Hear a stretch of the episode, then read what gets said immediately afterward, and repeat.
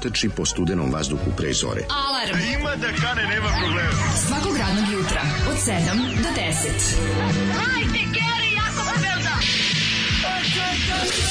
Nema da prska, nema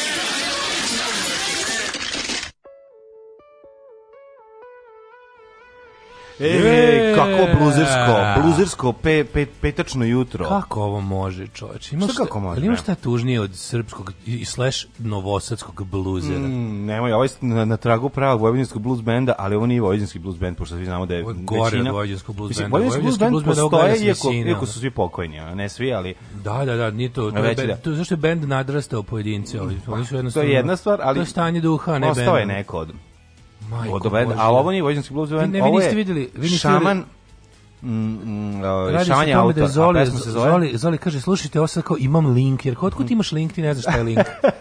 Kaže, on imam link. Moj prijatelj je snimio spot. Sinoć sam sreo drugare, kaže, snimili spot, kad kaže, pre dve godine. Pa već su ti dali link, kaže, već. A dobro, on uglavnom sa internetom nije baš veš. Kakav internet, on treba mene da traže, da kucam. Da, pa kaže, on je prepisao link, na kut, link na kutiju cigara. Kaže, meni I onda, i onda ono, vadi onaj stanioli, olioli, kaže, a, a, Daško, piši. Daško ne mrzi da prekucava. Ne mrzim, šta da radim. Kaže, on piši, ima kaže ima neki kaže ima neki sajt gde su svi mu videoklipovi. Da, da. Kako se zove? Kaže on YouTube. ja kažem YouTube, kaže tako nešto ja ukuca, kaže, je ovo, i ja otkucam šaman, što i ovaj, kako se dok šaman. Dok šaman, bre, genijalno. Zoli se oduševio, ima jedan trenutku se on pojavio u spotu, svi vidio, tamo ima čovjek što da, prolazi da, da, iz, iz da, da. žbunje. Da, Zoli je onaj konji na koga se ovaj pelje Ima što prolazi iz žbunje, ja kad sam ovo video, baš mi onako, čovječe, teo sam se žalim kako sam bolestan, kako mi je teško, sad sam vidio ljudi iz spota, pa mi sramota se žalim.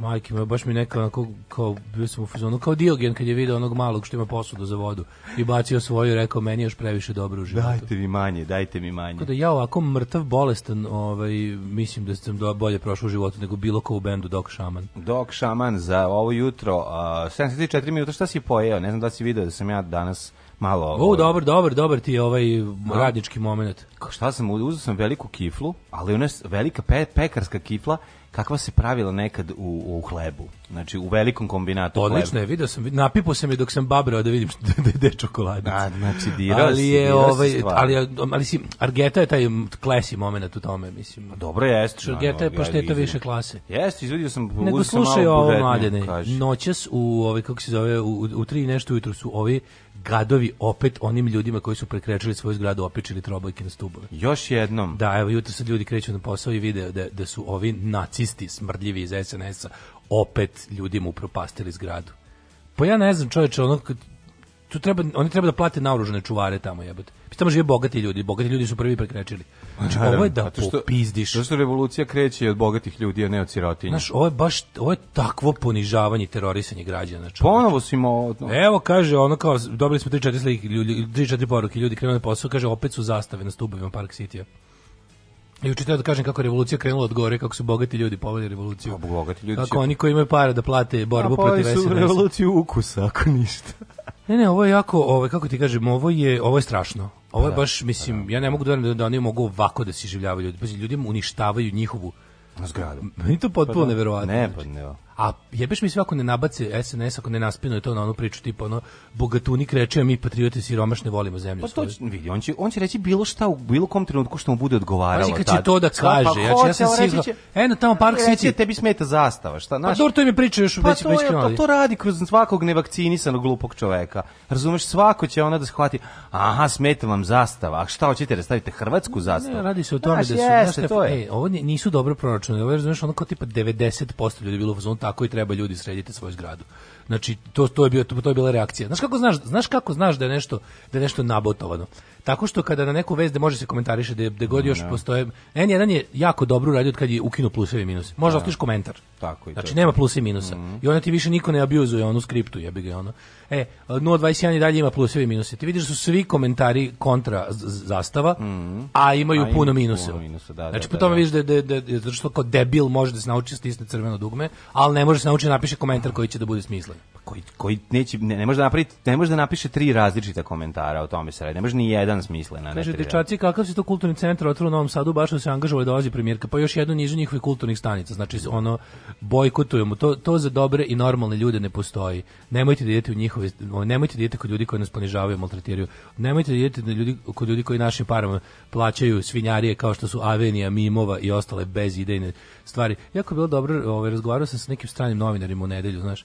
Jedno mi je bilo toliko smešno kada sam ovaj pričao sam u njih je dovela evropska predstavnica kulture i sad nekim čudom su došli do mene da da čuju drugu stranu to je bilo jako interesantno ovaj kako su oni kao ono kako su ih ovi čuvali da nigde ne vide oprečno mišljenje znaš ja da, bilo malo severna Koreja bilo je severna Koreja mhm. doveli su gomilu stranih novinara da, da platili na hotel su prih ugostili ne. i vodili ih samo da vide ono što oni žele međutim jebi ga znaš kako ono, narod se probio do ovaj do stranih novinara sam bio kao oni jebote u u ovome u Johnstownu što su uspeli da jave senatoru na aerodromu da su tamo svi zarobljeni. Nekad ovaj dođe na goli otok u ovoj knjizi Gorana Markovića pa se ovaj pa, pa, pa se provuče kao dođu da ispitaju strani novinari na golom otoku, ovim predstave kao samo pa da, ono, kako to, sve uredno i sređeno, tri, da, tri da, just, barake. Just another, da, još radni jedan kamp. kao radni kamp, da, i onda se neko pro, progura i kaže, e, ovde smo koji kontrolisani ovde ovako je ovako ne može da se pisne ovo bla bla bla e tako je bila ta situacija ti si došao do njemačkog novinara i uspeo da Njemci, ali bilo je interesantno što dok sam pričao s Njemcima i ostali novinari dok kad su čuli šta mi pričamo su došli da ovaj kako se da zove da razgovaraju pa s nama. Pa dobro zato što ljudi hoće. To je bilo jako hoće, interesantno. Hoće drugu stranu priče, pravi novinar ono kad da, pravi priču treba mu još jako, nešto. Biće biće jako interesantno što sam ovaj Ne treba mu samo kako je vođa odličan, mislim kako vođa, da, šta vođa radi kad se ugasi sve. Baš je to bilo.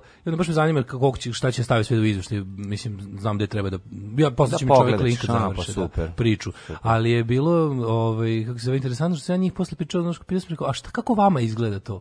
Znaš, i onda kaže, onda mi je bilo slatko kad je rekao, well, it looks pretty, well, pointless.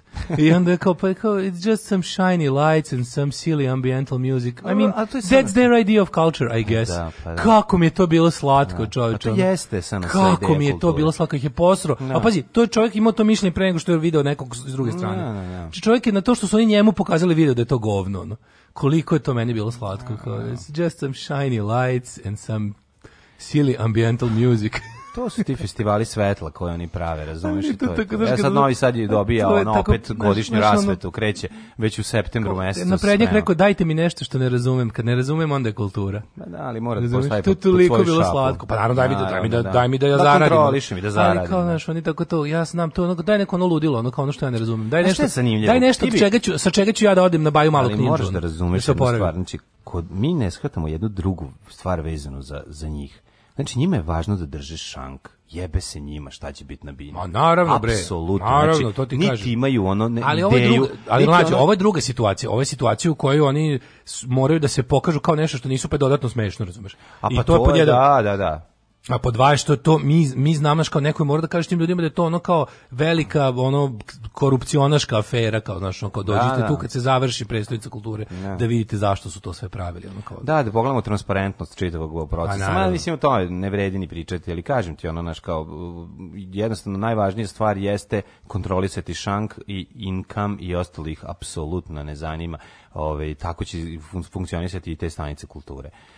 Ove, um, kaže, tamo sam kažem? pomislio da sam sa svojim ulaskom u jesen života u 43. izjednačavanjem zasmejavanja procvalih koleginica sa upriličavanjem orgazmičkih kontrakcija istima nešto najjadnije na svijetu kad čujem ovo i dobih vetar u leđa.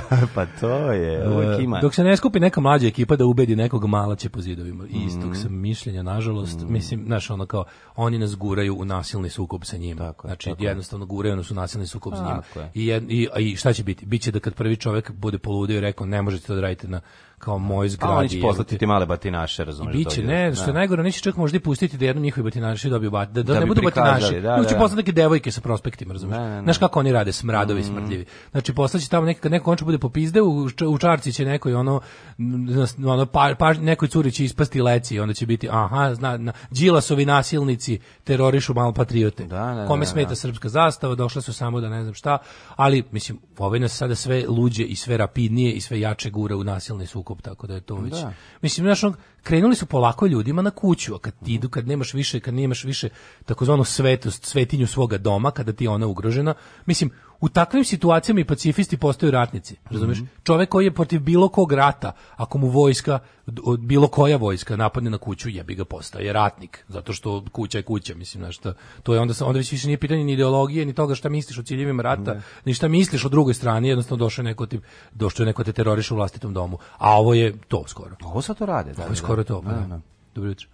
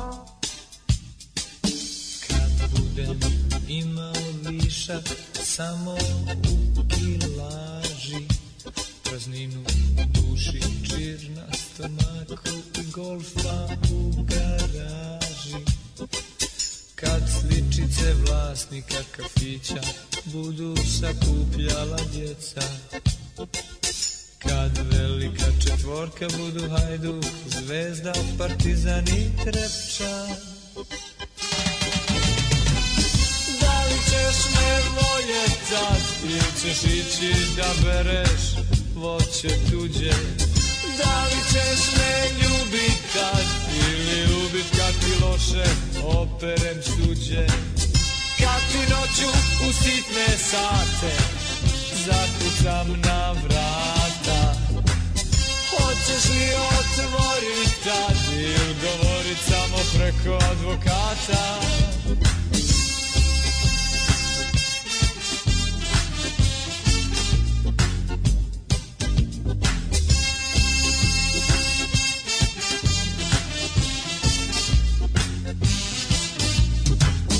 Da li ćeš me voljeta ili ćeš ići da bereš voće tuđe Da li ćeš me ljubit tad Operem suđe Kad noću u sitne sate Zakucam na vrata Hoćeš li otvorit tad I udovorit samo preko advokata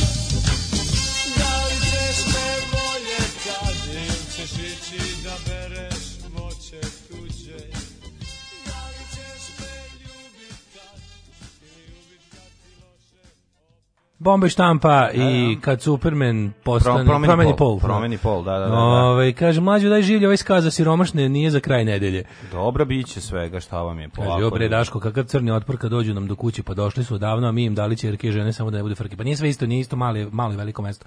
U malo vestu nikad nije, mislim kako ti kažem, mora da mora u gradu da pukne.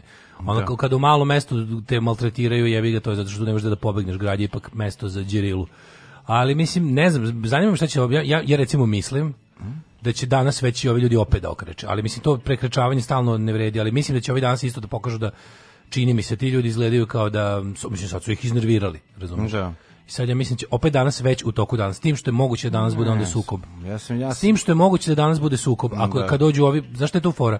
Ja sam baš teo da pričam o tome kako je kako Možda su neko ovi... bogat iz te zgrade nazove nekog bogatog iz SNS koji on i kažemo aj sad više odjebi s tim tvojim klincima i ono ima i drugih delova grada gde možete crtati zastave. Skinite se sa pa naše pa to bi bilo, zgrade. To bi bilo šupačko kompromisno rješenje, pa. pa nemojte mene, ono mučite Juliju, što bi rekao pa. Winston Smith u 84. Pa, Ali bi bilo lepo da vidi, da, znaš, da, da sad bi ovi trebali opet da prekreće. Jedno Zato što ono... to nisu radili stanari, ovo nije bila, znači nije mesna zajednica juče odlučila da-, da uzvrati udarac na taj način kao što bi trebalo. To bi trebalo zapravo. Pa, naravno, da. Desila se sledeća najbolja stvar, to je privatna inicijativa. Da. A to je da je ovaj pa, ja znači, grup, da je grupa ono... ljudi koji ima sredstava je jednostavno pa, mislim, grupa nešto, vlasnika lokala ispred grupa koji vlasnika ima lokala, grupa pa- stanara pa i da, ljudi koji tu imaju pa poslovni da. prostor su da. bili u fazonu ne možete vi ovako da nam useravate ono, naš. Kao mi smo ovdje na kraju krajeva skupo platili da ovo izgleda kako izgleda. Kako su oni svinje s dole napravili, znaš na šta to liči? E, kad se razlika što su ovi juče, znaš kako su radili, ovi juče su doneli nelone. Ma naravno. Mislim, oni juče su radili, ono juče su radili profesionalni moleri. Pa, na. Da. Znači, bila je firma, ja prošao baš tu kad su da, da radili. Da, da, znači, bila je firma, bio je bio neka pick-up i, i profesionalno su radili sa, sa, sa zaštićenim betonom dole. Stavili su, kako rade, stavili su zeleni najlon. Moleri samo trljaju ruke. Zelena, da, moguće da moleri čak i noću dođu to povrate. Pa ovaj. Kao staklar što, idem, što pošalje klinca zi, e, noć da, da razbija da. prozore. Pa, da. Ne, ali je ovaj fore da mislim ako ovi, ovi, bi danas trebali opet, odma, odma bi trebalo. Pa trebalo. Znači odma da. bi trebalo s tim što bi onda moglo da ovi ovi da ovi prave čeku. Mm. Razumeš da ovi fašisti prave čeku i onda da, da to bude. A ovaj. gde će pravi čeku tu u pa, lokalu šta? Pa negde tu mislim oni tu nima što brzo, oni su kladionicama. Da. Bazi su ima kladionicama u tom kraju. Znači ta ekipa koja ide to da radi, to su ti ovi mladovi iz kladionice, da. tako da. Ovaj um, Kaže, kad je puklo u malom gradu, pa kojima, šta je se ovaj Temišvar mali grad? Pa da, Temišvar je veliki grad. Bre, kao, da pa, pao je Čaušesku, samo kažem. Da. Kako bre? Ovaj Temišvaru je puklo, da, mislim. Da, Temišvaru Temišvar je veliki grad, ono ko što je sada, Veliki je kao što je, mislim, ne znam. To vam pa je kao da kažete nije puklo Tini, puklo u Solunu, pa da. znate koliko je Solun, ono, mislim. Ne, ne, zašto priča je bila o tome da su ovi kao došli po kućama da uzimaju ćerkiš, mislim, to su uzeli u da. malom mestu. To, pa to su uzeli u Jagodini. Pa da, u, u mestu da. gde ono, ono Village of the Damned je bi ga. Isto koji Bruce. Um, Jagodina je veća od Rusa, majko. Kaže, o, poznamo pa mi Molera koji je radio noću, onaj tvoj prijatelj Daško, sećaš se Đukino krečenja lutrije noćnog. A, da, da, da, da, da, pa da Đuka, pa Đuka, imaju... Đuka krepa. Pa tako je on i krenuo. Da. To je bila prva ove ovaj, njegova. to prvi put da sam ga video u stvari u životu. Već vidim. Pre toga je samo stanovala Draga na torbicu fokus. kako tezgari kao Moler. Da. Ove, ovaj, um, kaže, food for thought. Revoluciju nikad ne dižu ni niža, ni viša klasa, revoluciju diže srednja klasa, a realno limanje najvećim, kvarca najvećim srednjom klasom. Pa mislim, mislim da je pravilo da revolucija ne dižu gladni nego besni, to se pokazalo kao tačno. Znači ljudi kad su, ono, kad su mrtvi gladni više ne mogu, ni kad su ubijeni u pojem, moraju da sačekaju nekog koji ima malo, što kaže, nekog koji je jeo, a, a, a boli ga to što nema hrane. Da, da, Tako da moraju da dođu besni, moraju da dođu, a ovo je put da se ljudi razbesne. Znaš, ovaj put da se ljudi razbesne. Ja, ja, ja, ipak ne prestajem da verujem u ljudsko dostojanstvo i ljudsku čast i ljudsko te neke stvari koje kad ljudima gaziš nekako ih ovaj motivišeš na akciju. Znaš šta oni rade? Ono, njegov je plan sad da do, do aprila meseca do izbora krene, skrnavi tako tu po ne bi li ono što više izbrljavio i što ne, ne bili što ljudima se više usro. Pa da, pa, SNS... I onda kad te izbori prođe, onda će ostati, ako prekričiš bolećih dupe, neće više sla, slati. Pa ne vidim, SNS, SNS sad stvarno pra, radi na... Oni tu zastavu stavljaju zato što to jeste simbol kao sns mislim, bez ikakvih znakova. Naravno, samo za, zastava. mene, za mene je sve srpsko simbol SNS-a. Ja, da, da. mislim, žao mi, ovo je zarobljena država. Mm. Kad, kad čujem himnu Bože pravde, to mi je SNS. Kad vidim srpsku zastavu, to mi je SNS. Mm. Mislim, ubedite me suprotno. Znači, to je jednostavno, boli me dupe, što kaže, ako, ne, izvini, toga nije bilo pre. Znači, to je jednostavno, nije to sad da su oni, ne znam, zauzeli nešto što je postalo ranije. To su bre sve simboli za mene pljačkaške tranzicije, nacionalizma i toga. Tako da to nisu moji simboli svakako. A ja imam ustavno pravo da mi se sere od tih stvari rekao je predsjednik na kraju krajeva. Je rekao predsjednik da ima pravo, ljudi imaju pravo da ne vole zastavu i himnu po ustavu. On da. misli da su ti ljudi protuve iz toka, ali ovaj kako se zove, da. ali ovaj imaju pravo. Tako da ja svoje pravo da mi se sere u državnih simbola i te kako Pravnik u njemu to razume. Da, da. Ovaj javiće se SNS baba da kaže kako eto neka mlada govna Đilasova mrze umetnost. Ovaj kaže, da li po... moguće pa sinoć smo prošli tu da bilo lepo sivo, kaže. Da. Jebe mi mamu bezobrazno.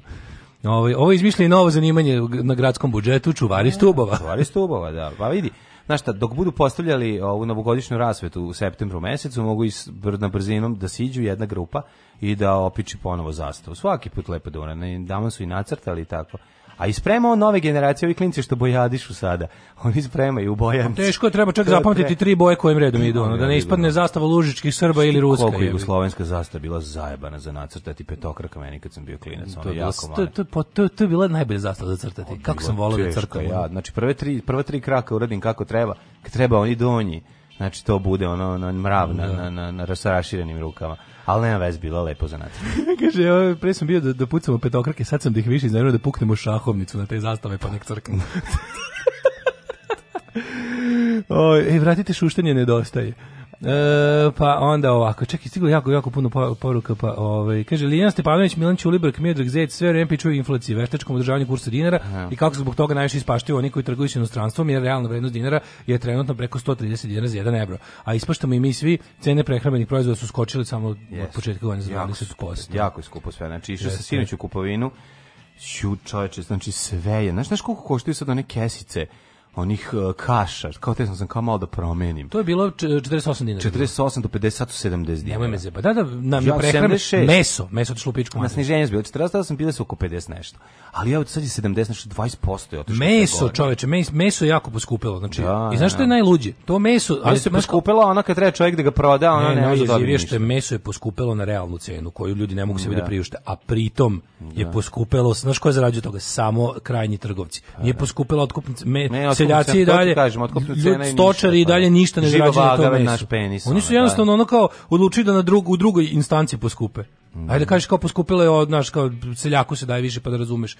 Jer onda bi to bilo ono kao ne, na neki način u redu. Znači pošto je sve kao isto kao što i sve ovo što se otkupljuje od od, ovaj, od proizvođača poljoprivrednih i ispod svake cene. Da. Onda svaka cena koju oni formiraju kasnije je potpuno ono potpuni profit za uvek i jedino za za trgovce, za krajnjih trgovca, da. za ovog što prodaje ljudima. Ono.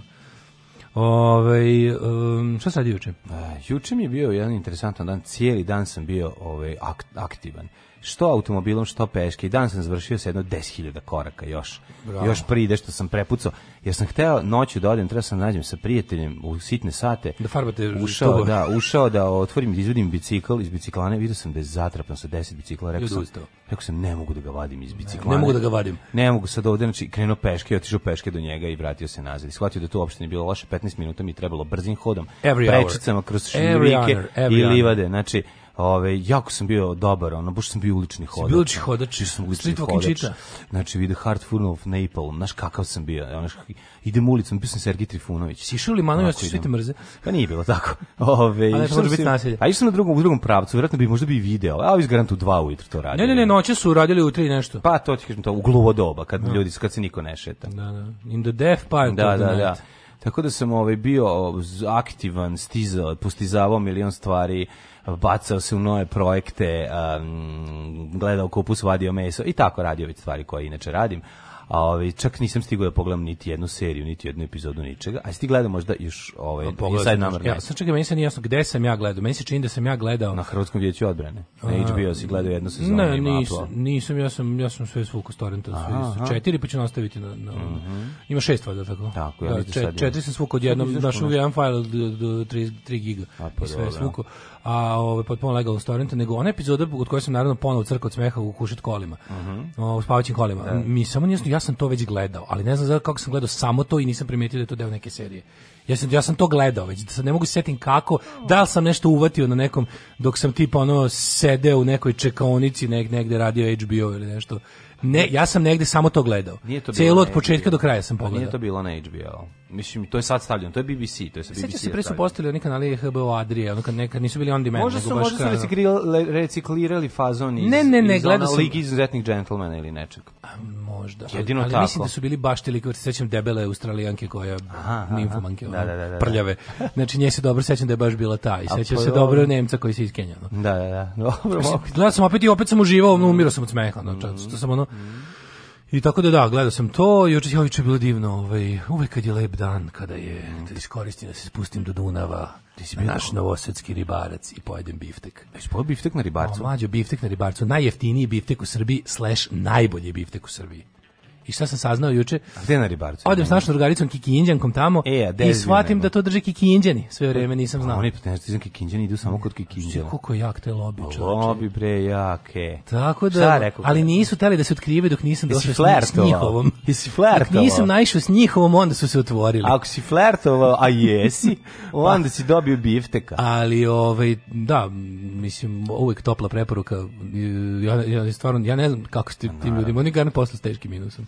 Ali pa te idi, idite dok se ne opamete. A taj biftek se pravi od soma koga su upecali kod govnare. Ima vrhunski biftek, znači mlađi. A gde ono, koji koji kafić? Pa bistro, onaj tamo na ovaj, A na ovaj, samom ćošku onaj, da da da, bistro. da. Kad stigneš kroz do kraja, da, do možeš se parkirati, ima da, da. malo ona mala, kućica sa. Da, da, da, da. Mnogo dobro. dobro. A super je tu sve i tu je roze je dobar i sve. Sve, je bre super. Znaš šta je fore? Oni koji to drže, to su mhm. likovi koji su bukvalno uložili sve u to. Oni su uzeli, kupili tu kuću, oni tu i mhm. žive. I žive, pa taj jedino tako može da se. Tako može da se isplati. Bukvalno. I onda greješ i kuvaš da kuvaš i za sebe. E, onda onda su u fazonu, znači, znaš kad vidiš da su otvorili kovi koji jako vole hranu, vole da ugoste, vole da nas spremi ljudima kako treba i vole da sve bude tako. Dobro, sve je tu dobro, ali već šta su Tu nema fiš paprikaš. Imaju nešto. Ne, ne, tu, tu baš nemaju ništa, tu nemaju ništa A gde nemaju, imali smo, onda su promenili. Nikad nisam od početka, ja bio bukvalno dve nedelje kad su otvorili. Imaju taj jako mali jelovnik na jednom papiru, Ove kako se zove Rekli, i izmini, bistro, jebate, jeli smo nešto tamo. Nisi ja ništa ribe, nema ribe stvarno.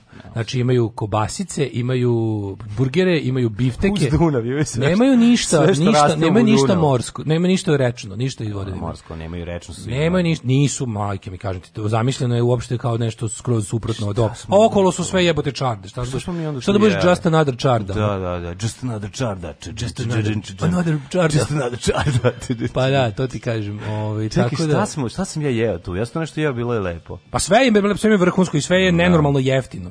Razumeš, sve je nenormalno jeftino. Burgeri su, oni neki, on, naš kakvi, oni, oni no. Da. su 400 i nešto, nemam pojma. Ono, Mamara. Pazi, biftek, naš kakavi. Ko, ko, prvo kolki je, a onda kakav je, mm. sa kakvim onim super krem sosom od vrganja i burbona i pičke mm. materine i ovaj 1200. Opa. Biftaci su svugde 1700 i više u mm, gradu. Da. Tako da ono, a ne, ne, ne, ne, ne, ne, ne, ne, ne, ne, ne, ne, ne, ne, ne, ne, ne, ne, well done, pa mi, medium, medium done, medium, kao, medium ka, ka, rež, ka, ka boljem, ono. Aha, da ima, znači da unutra ima jasnu crvenu štraftu, crvena štrafta da ima jasnu crvenu štraftu, a da je okolo lepo brown, ono. Da, da. Da je ono kao neka... Ja ne volim kad je sirovo, ja volim. Ne, ne, ne, ne, da- ne, ovo je baš da, da, ima, da, da ima da. samo da ima samo po sredini da ima ono, mm. crvenu liniju. Ja imam još jedan problem, ja volim da je sve termički obrađeno, jer ovi, pogotovo leti, da. gledam da su stvari termički obrađene. Da, sve mm. kako je to kila bifteka je 3000 dinara, ono ne znam, ne kupujem ono to. Kilo biftek 3000 dinara, pa. Da. Znaš, ja, znaš šta sam ja sad kupio? File, ja sam kupio. pile sam kupio. Ovaj da. uh, file od svinjski to je jako lepo. Ovaj, to je svinjski biftek. Pa da, to je baš svintek, ono. Zvani svintek. Svintek, svinjtek. da. Ne znam, dakle, koje su šta je biftek, koje je to meso? Ja ne znam da je tačno, mislim da to neki, ne, ja stvarno ne znam, juče baš to i pričali kao, nismo ni ni ona ni ja ni znali da, da ga gde je u kravi biftek ali da je dobar, uf, odličan. Da. da. Ove, ovaj, um, kaže, gde je sada bistro de pari? Tamo je bilo uvek odlično jeftino malo porcija. A, ne znam, to je bilo u onom bistro de Paris, tamo su bile odlične supe, kuvana jela, to je bilo tamo u onom lupu pasažu mm -hmm. i to je bilo to jedino zbog čega bi ikad ušao tamo, prazno, ali da. tamo ne više ne znam. Da je, lupus da. možete da uđete unutra da stanujete, neće vas niko primetiti, ima jedan čovjek što kao nešto čuva tamo bre, ono. Ne, ima Lupu zove, a Lu ima, ima, ono, onaj pa kao moderni pasaž u, u Dunavskoj. Čekaj bre. Ono što kad uđeš na neke pa, blago roze pločice. Ne, što pomeš kako zove ono drugo, gde on ima ona neka mala, mali spens na isto tu pored. Ima neka mapa, to je lupus, nije? Pa lupus može da suđe sa dve strane, mogu da suđe da. iz Majovine, mogu da suđe iz, iz Dunavske. Tako, a unutra ima neka fontana. E pa sad to, to da nisam ušao tu godinama. Da, S jedne strane deca se igraju, imam prodavnica patika, prođeš kroz prodavnica dece. Lupus. Jel to pro lupus? O, ne znam, ali on zaboravio sam. Šta, je, šta se desilo sa onih milion, znaš ti koliko tu ima? Pa ti kao mini milion. tržni centri, to je bila tekovina da, da kasnih da, to, 90. to 90. Da, pa znaš što je najbolji primjer toga? Tu su Apollo. bili, da, da, da, da Apollo da, da. kao veliki mini tržni centar, da. najveći mali tržni centar, da. to isto čubriralo spektakulom, pa će McDonald's se zatvoriti, tu se više niko neće ući ni greškom. To se dešava da neko uđe kad promaši ulaz u McDonald's. Što se zatvorio McDonald's? Mislim, pa, verovatno zato što smo siromašni. A pa ne, smo siromašni. A ne, nego smo narod antiglobalista, ono. Nije, narod je odlučio da, da, da je bolja Leskovačka pljeska. Ima da Zrenjanin u Novom Sadu, onda su Zrenjanin. Brate, nema, nema para, jebote, ono kao, mislim, ne, Ma ne radi se o no, Novom Sadu, kompanija ljudi na tom prostoru je ogromna. Pa da li očigledno kompanija McDonald's je našla računicu rekla ovde kao ne može ima ima dovoljno imamo jedan imamo ne nego su rekli imamo jedan restoran više na ovu količinu ljudi s njihovom da. platežnom moći. Da. Neće, nećemo držati ništa što na čemu gubimo pare. Da. Nismo mi ono pokret ono gurmanskih entuzijasta koji će da ono radi drži malo ne, i da, žive u tome. Da, da, da, da, da, nego jebi ga ako nešto ne donosi isključivo profit ne treba nam nula Nula je gubitak. Da, da. Ne treba nam nula, treba nam profit. Mislim, šta može drugo da bude, osim da je, mislim, otvorit će ga, ili, ili će ga pomeriti na neku lokaciju gde su procenili da dolaze lovarniji ljudi. Mm. Centar grada se sliva nekako sve, a sve nema para. Pa malo je to čudno meni pa, ipak. Mislim, mislim kad god sam prolazio tamo su bili ljudi unutra. A, znači, nije bilo mi moj je to utise kao i uvek da. retko kad sam kad uđem unutra bio prvi mislim, na kasi, ja se pitam da li može, ako može da se na toj lokaciji vrati šta, moguće... popularni mlečni restoran. Ne, Deli France da se vrati, on je bio tu pre Meka. Pre, pre toga je bio mlečni restoran. Jeste, Grill 13 je bio tu. Grill 13 je bio. Znači, Prvo se zvao mlečni restoran, ali mislim 60, da Grill 70. Dobro, da, pa Grill 13. Tamo je radila moja baba tetka. Da, pa najduže najduže vreme bio najduže to bio, grill, bio McDonald's, grill 13. Da, da, da. Pa je onda je bio Deli France jedno kratko vreme. To je, bio tako neka, to je neka bila sotska franšiza. Ona kad se otvorio Deli France tu i Southern Fried Chicken u, A, kod informatike. Kod informatike, u, da, da, to znam. To je bilo kao ono Ante Marković vreme. To je bilo Gran Gojima, da. To je da, bilo da, Ante Marković da, da, vreme. Da, da, I onda posle 90, 95. je otvoren McDonald's i ove godine je preminuo. Stop, stop, stop. Kaj to sviraš? La bandu. Alarm. If I had my time again all the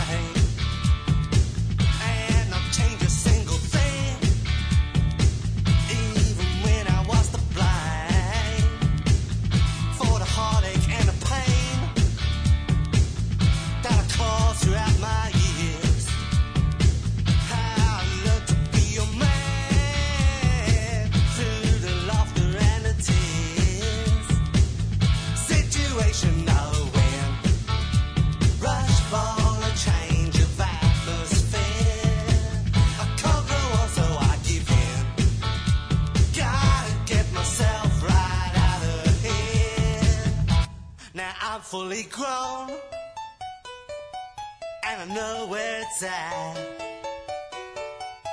Somehow I stay thin while the other guys got fat. All the chances that I've blown and the time that I've been down, I didn't get too high. Kept my feet on. nation now.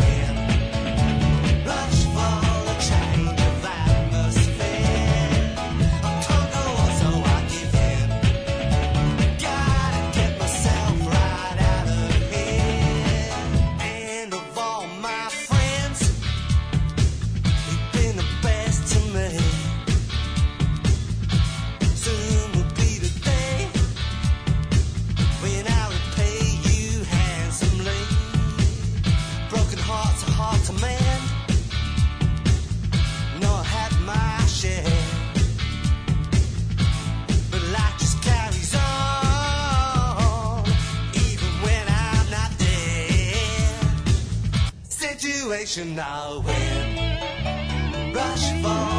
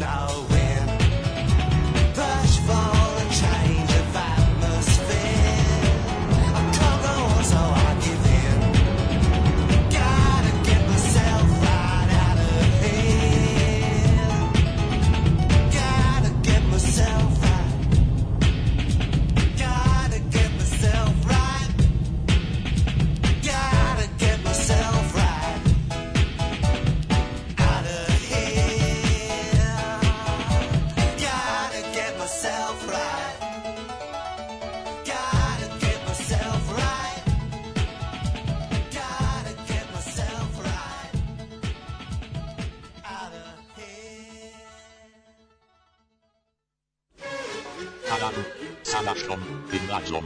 Nikad nedeljom. Monday, Tuesday, Thursday, Wednesday, Friday, Nikad subote se za džane, into sound. Top 7, top 10.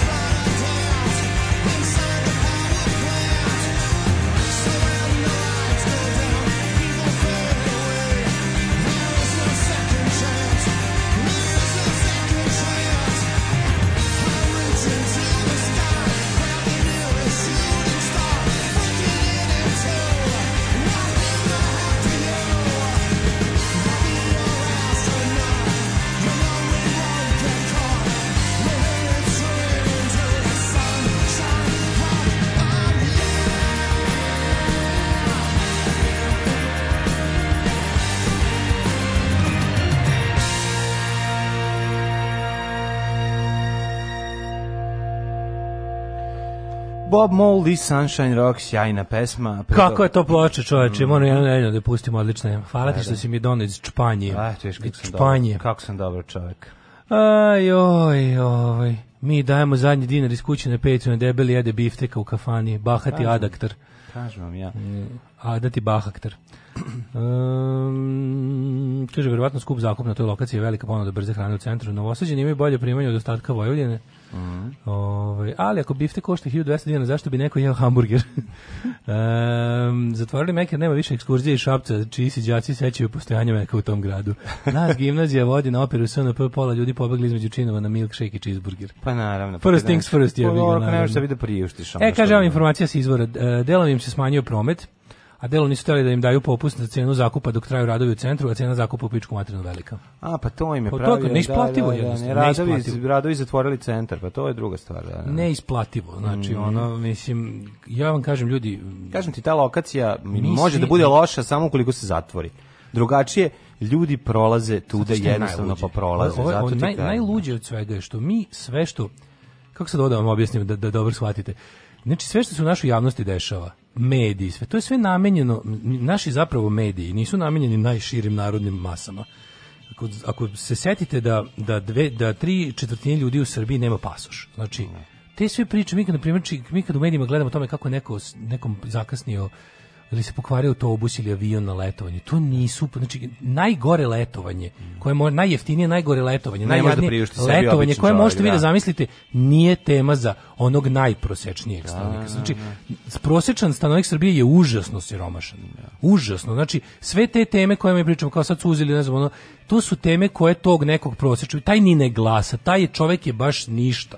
Znači jednostavno Uh, on ne postoji, nije od interesa nikako. Znači, od njega, on njega se nešto može malo ono kao na njega država računa u smislu kao nekog onog... Njega uzme kao neko jednička koji će uzeti kredit. Pa ni to, znači pa to je ono... Pa dobit će ono, što je nevjerovatno, koliko, koliko je moguće, koliko, koliko postoji paralelnih Uzet će cash kredit od 1000 evra i grca će i plaći ga ceo život.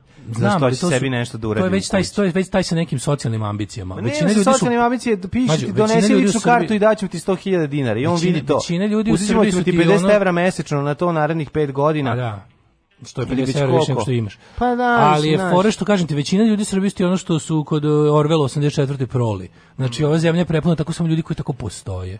Razumeš koji tako samo postoje.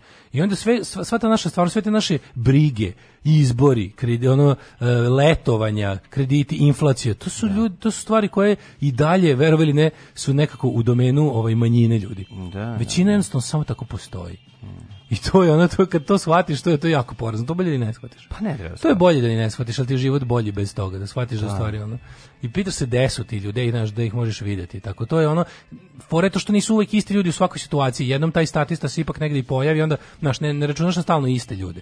Nego se to tako malo meša, ali u principu znajte da svi ovi problemi kojima mi pričamo mi smo ono, mi smo kakvi god da smo svi ovdje, mi čim, čim ste ovdje, čim ste na ovom internetu, čim znate da čim znate da dođete do nas. Znači, imaš znači da ste se u velikoj meri ne. ispisali iz naroda. Ne, Znaš, da, tako da u, pa ti sa svojim biftecima verovatno jesi. Situacija je mnogo gora nego što. Dok ja sa svojim paštetom i sa kiflom. Argetom molim te. Dobro, upravo si. Argetom molim. Upravo si, odvojio sam se od plebsa. Da, odvojio sam se od naroda. Oj, sa čokoladom, prijatelj aj kafu iz kesice, a ne iz 200 g ili od pola kile a i kafa sveža nije se ubaja, mislim, dosta stvari se promenilo dale od kada smo krenuli ti i ja ovako da budemo pregrati. Prosečan stanovnik Srbije Simo Spasić bez sponzorisanja države. Mm, da, da. Neka deca su bežala. Dobro, ne mogu da verujem da su svi tako baš loš. Mislim, Simo Spasić nije, Simo Spasić je protuva, mislim, to je potpuno druga. Simo Spasić je ovaj, zove, mentalno bolao. Mislim, on je, on je, da, mislim, on bi verovatno na psihijatrijskoj proceni izgubio poslovnu sposobnost. Mm. Mislim, on je normalno. Ali na SNS proceni ima i tekako poslovnu sposobnost. Pa naravno, i, primi, da. i, ne, i širok, pal, široku paletu primjene. Tako, i gdje treba nešto zgodno govnati. Ono. Neka deca su bežala iz pozorišta u McDonald's, ja sam bežao iz pozorišta u Maximum Rock'n'Roll i kupio kasete s albumima koje su me formirali kasnije. Bravo, bravo, kaže, čestitamo. Kaže momak iz malog mesta Sremska Mitrovica. Bravo, odlazi se u Maximum Rock'n'Roll, kupuje se. Imate li direktore? To kad su zvali iz Kragovica da pitaju. Narodnoj masi u Halo, Vojvodini. imate direktore? A Borkova, ovako, dođi, dođi, dođi. I vidi ako ste slušali, samo čuješ. Imate direktore? Da, zna, a vi se smijete. A mi pederi e, se smijemo. Narodnoj masi u Vojvodini sada plasiraju strah da će svako ko iz mešovitog braka morati da se izjasni kao Vojvođanin. A ostali će biti Srbi, Hrvati i slično. Ne, ti da vidiš po Facebooku kad Ja sam u mešovitom braku, moja majka je mađe. žena, a otac muškarac. Da, ja sam tvoj mešoviti brak. Ja sam krenuo ovaj eh, down the rabbit hole of Facebook pages za neko istraživanje i onda sam uzeo ovaj napravio sam novi hrom novi, ovaj krenuo, krenuo sam tom de, desnom, krenuo sam desnom stranom eh, ovaj interneta. O, oh, Mlađe, znaš ti ko je to? Pa da. Ti ne pa možeš da, da, da veruješ da, koji je da, to boli. Pakao, da ti, ti, treba da vidiš da. te antivakserske mm. grupe. Pa vidio sam Ali te ja, prave hardcore. Ja sam te, mlađe, to ima po 36.000 članova. To je majke, ne dajte svoju da, decu. Da, da. Ne dajte, budite kao majke iz prvog svetskog rata. Kako su ljudi glupi kukurac. Šta to tačno nisu dale majke iz prvog svetskog rata? Znaš, to su takve glup, glupetanja. Da, to su samo to su samo to neki paprikaš od tu se sve mora se pomenuti vitezovi istorije, mora se Ma pomenuti mora, pa. uh, novi svetski poredak, mora ustaše, mora Ali mora i ono kvazari, mora i vasilski brodovi, znaš. Ti treba ćemo li nemo posmatrati kako nam bodu decu majke, št, budite srpske majke. Sledeća grupa, sledeća grupa, brate, ja sam Srbin, meni mora da je teško. Meni da, treba da je teško. Da, da, ja sam da. Srb, grupa se zove, ja sam Srbin, meni i treba da je teško, tako nešto. 24.000 pa članova. 24.000. 24 da, od kojih od kojih jednom koliko sam video po postovima, pola tih što im jako teško piše iz Beča. Ali dale. On je otišao tamo da mu bude pa teško. Pa teško mu je zato što nije, ne, znaš, ne, ja ne greje sunce tuđeg neba, onako kako, ne greje radijator tu, tuđeg vodovoda i kanalizacija onako kako greje ovaj, znači i to plane. Ajmo bre, vidi ovaj, koliko sati nismo još prošlo ajde, išli. Zašto smo krenuli u političke teme koje smo trebali da ostavimo za političke dosta, teme? Krenuli smo odmah ujutru to i to je jako. Ovo je jedan dosta atipični petak.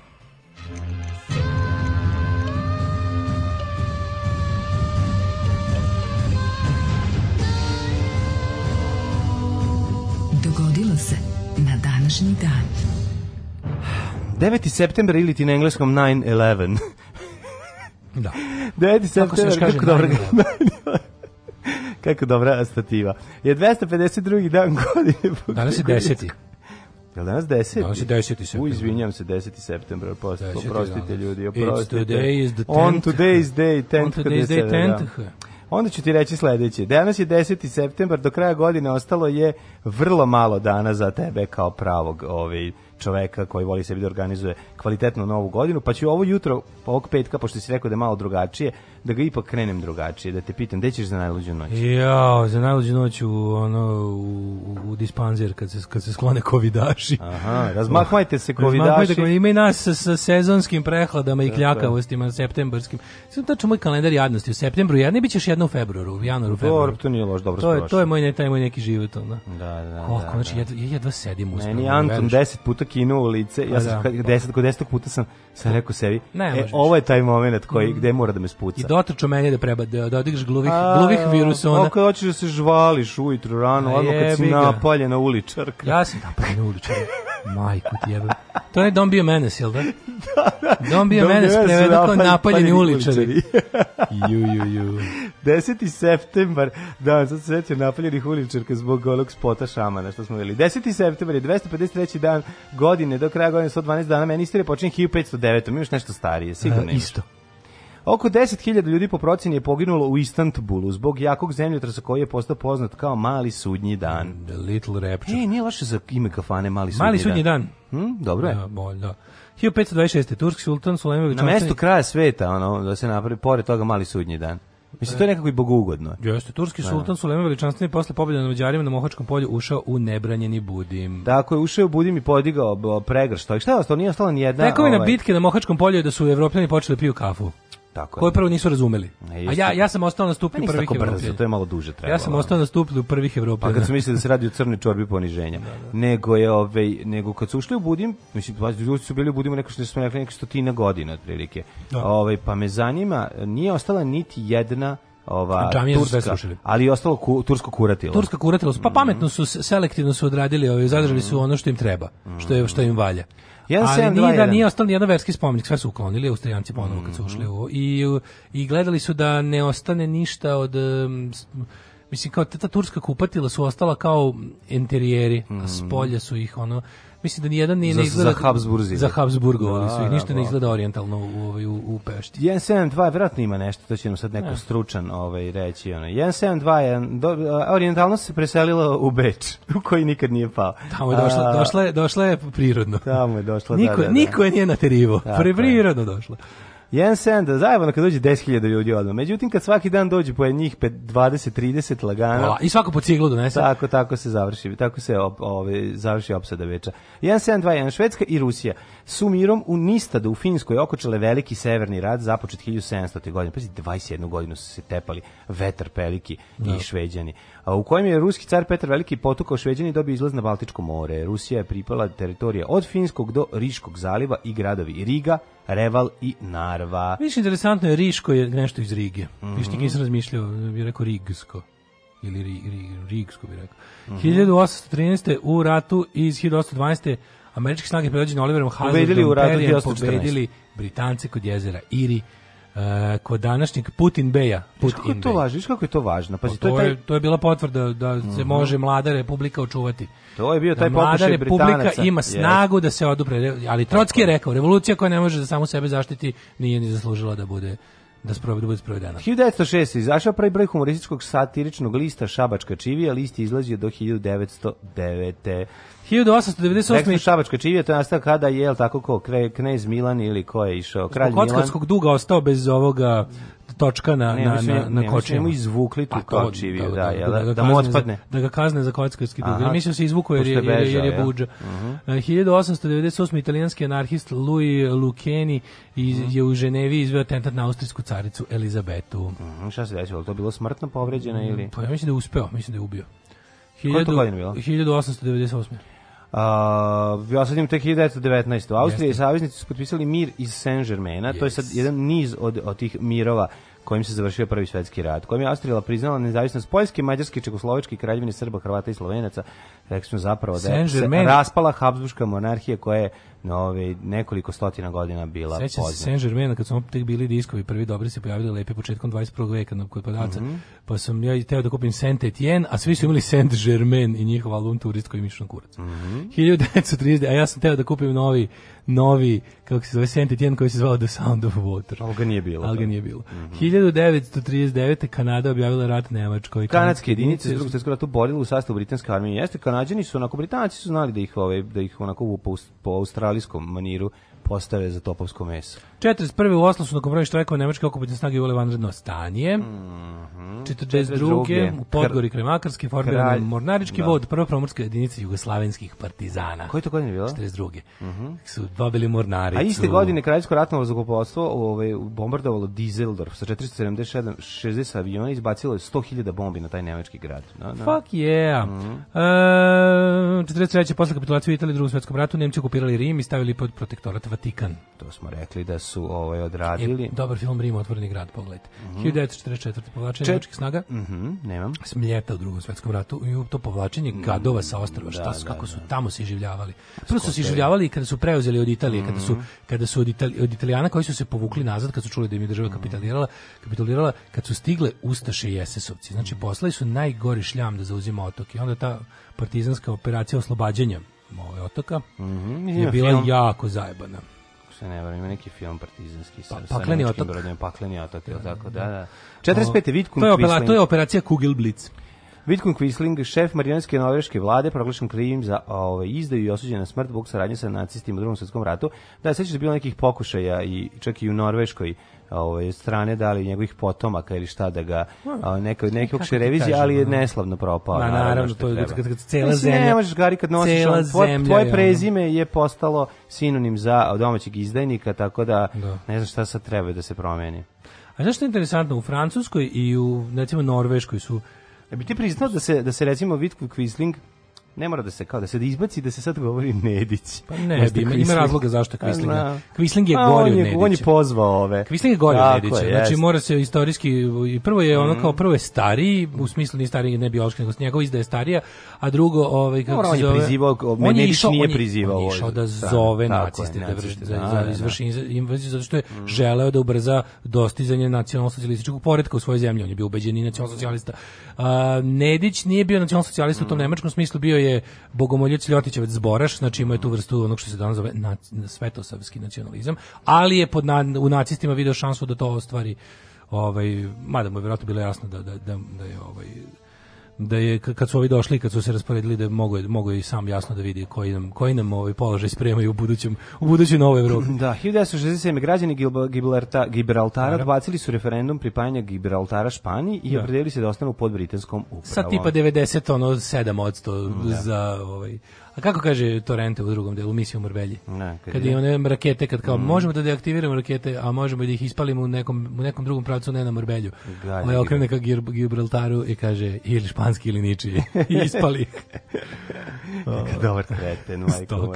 1976. Aha. U sudaru putničkih aviona britanske kompanije British Airways i Douglas DC-9 jugoslovenske kompanije indeksa Adria Severno od Zagreba da, poginulo da, da, svih 176 da. ljudi i u oba aviona. To je najveća avio nesreća u istoriji Jugoslavije. Kako I još na ovim prostorima. Kontrola leta je To je indeks Adria Airways uh, zauvek spucalo, mm. nikad više nisu oporavili, uglavnom su Mislim da i danas postoje kao kargo kompanija ili tako mm. nešto, ali uvek je bilo da. I nek trebalo je druga aviokompanija. Mislim, naša zemlja imala dve aviokompanije, dve državne mm. aviokompanije. Jedna, jedna se jako ovaj, nju je zapravo propastilo to što je moralo da isplaćuje odšteti da. osiguranja, da. to je bilo zaista mnogo. 1981 mm. slika Gernika Pabla Picasso vraćena u Španiju naslikana 1937 posle nacističkog bombardovanja baskijskog mesta Gernika u španskom građanskom ratu.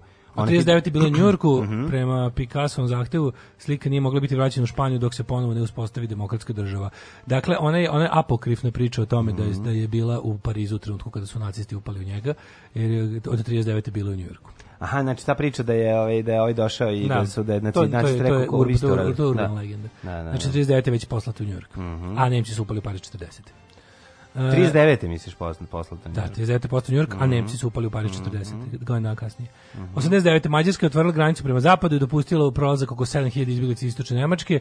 Taj masovni egzodus doveo do pada Berlinskog zida. Da, to su Mađari su mhm. pustili mm -hmm ljudi, oni su zapravo bili, to je jako interesantno, ti ljudi su bili na nekom od onih jel, državnih sindikalnih letovanja u Češkoj uh mhm. -huh. i onda ih je ovaj, e, Mađarska je dopustila da oni prođu tu, da, da se ono, da, i, ali da mislim da je Mađarska već u tom trenutku... Da bi prošli kroz zapadnu Nemačku da se vrate kući, je jel tako?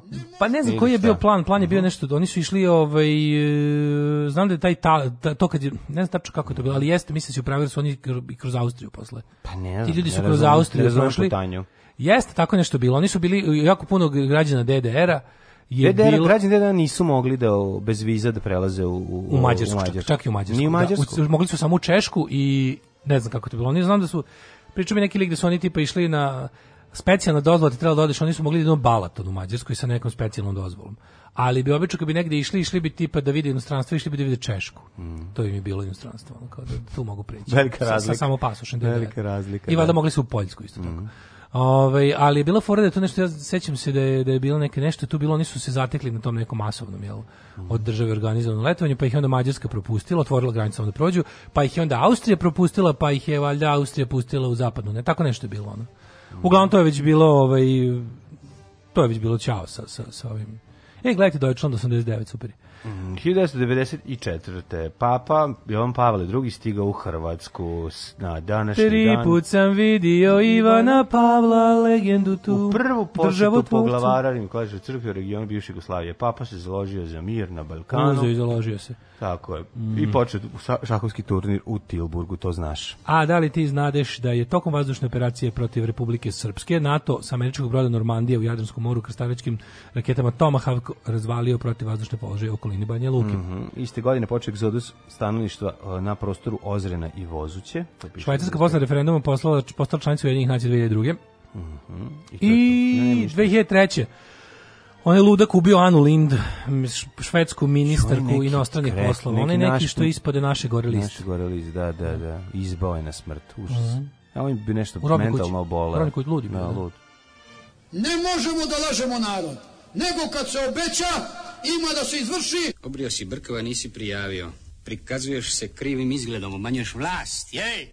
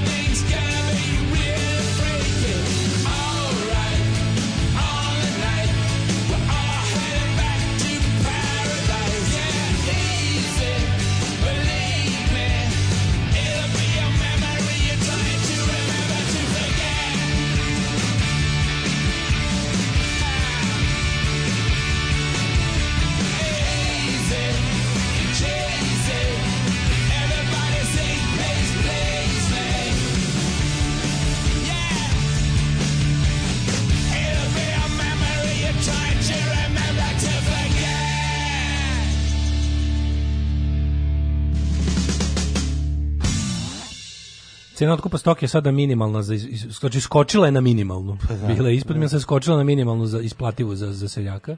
Da. Šest meseci su ih gušili sa cenom 120 130, je 180 190, meso je sa 400 skočilo na 600. Mm -hmm. Kaže ješćemo crk, crkotine sa zapada uskoro je otkup, otkupljivačima problem da nađu svinje na selu. Nema ih više, situacija ko sa lekarima, sad bi platili, ali nemaju kome. Da.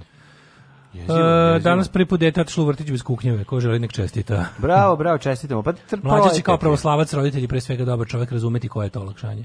Mm, to je, ove, to je velika stvar za roditelja da ne odlazi iz vrtića sa kamenom u stomaku. E, čestitamo Šapcu važno. i prvu cecu za narod.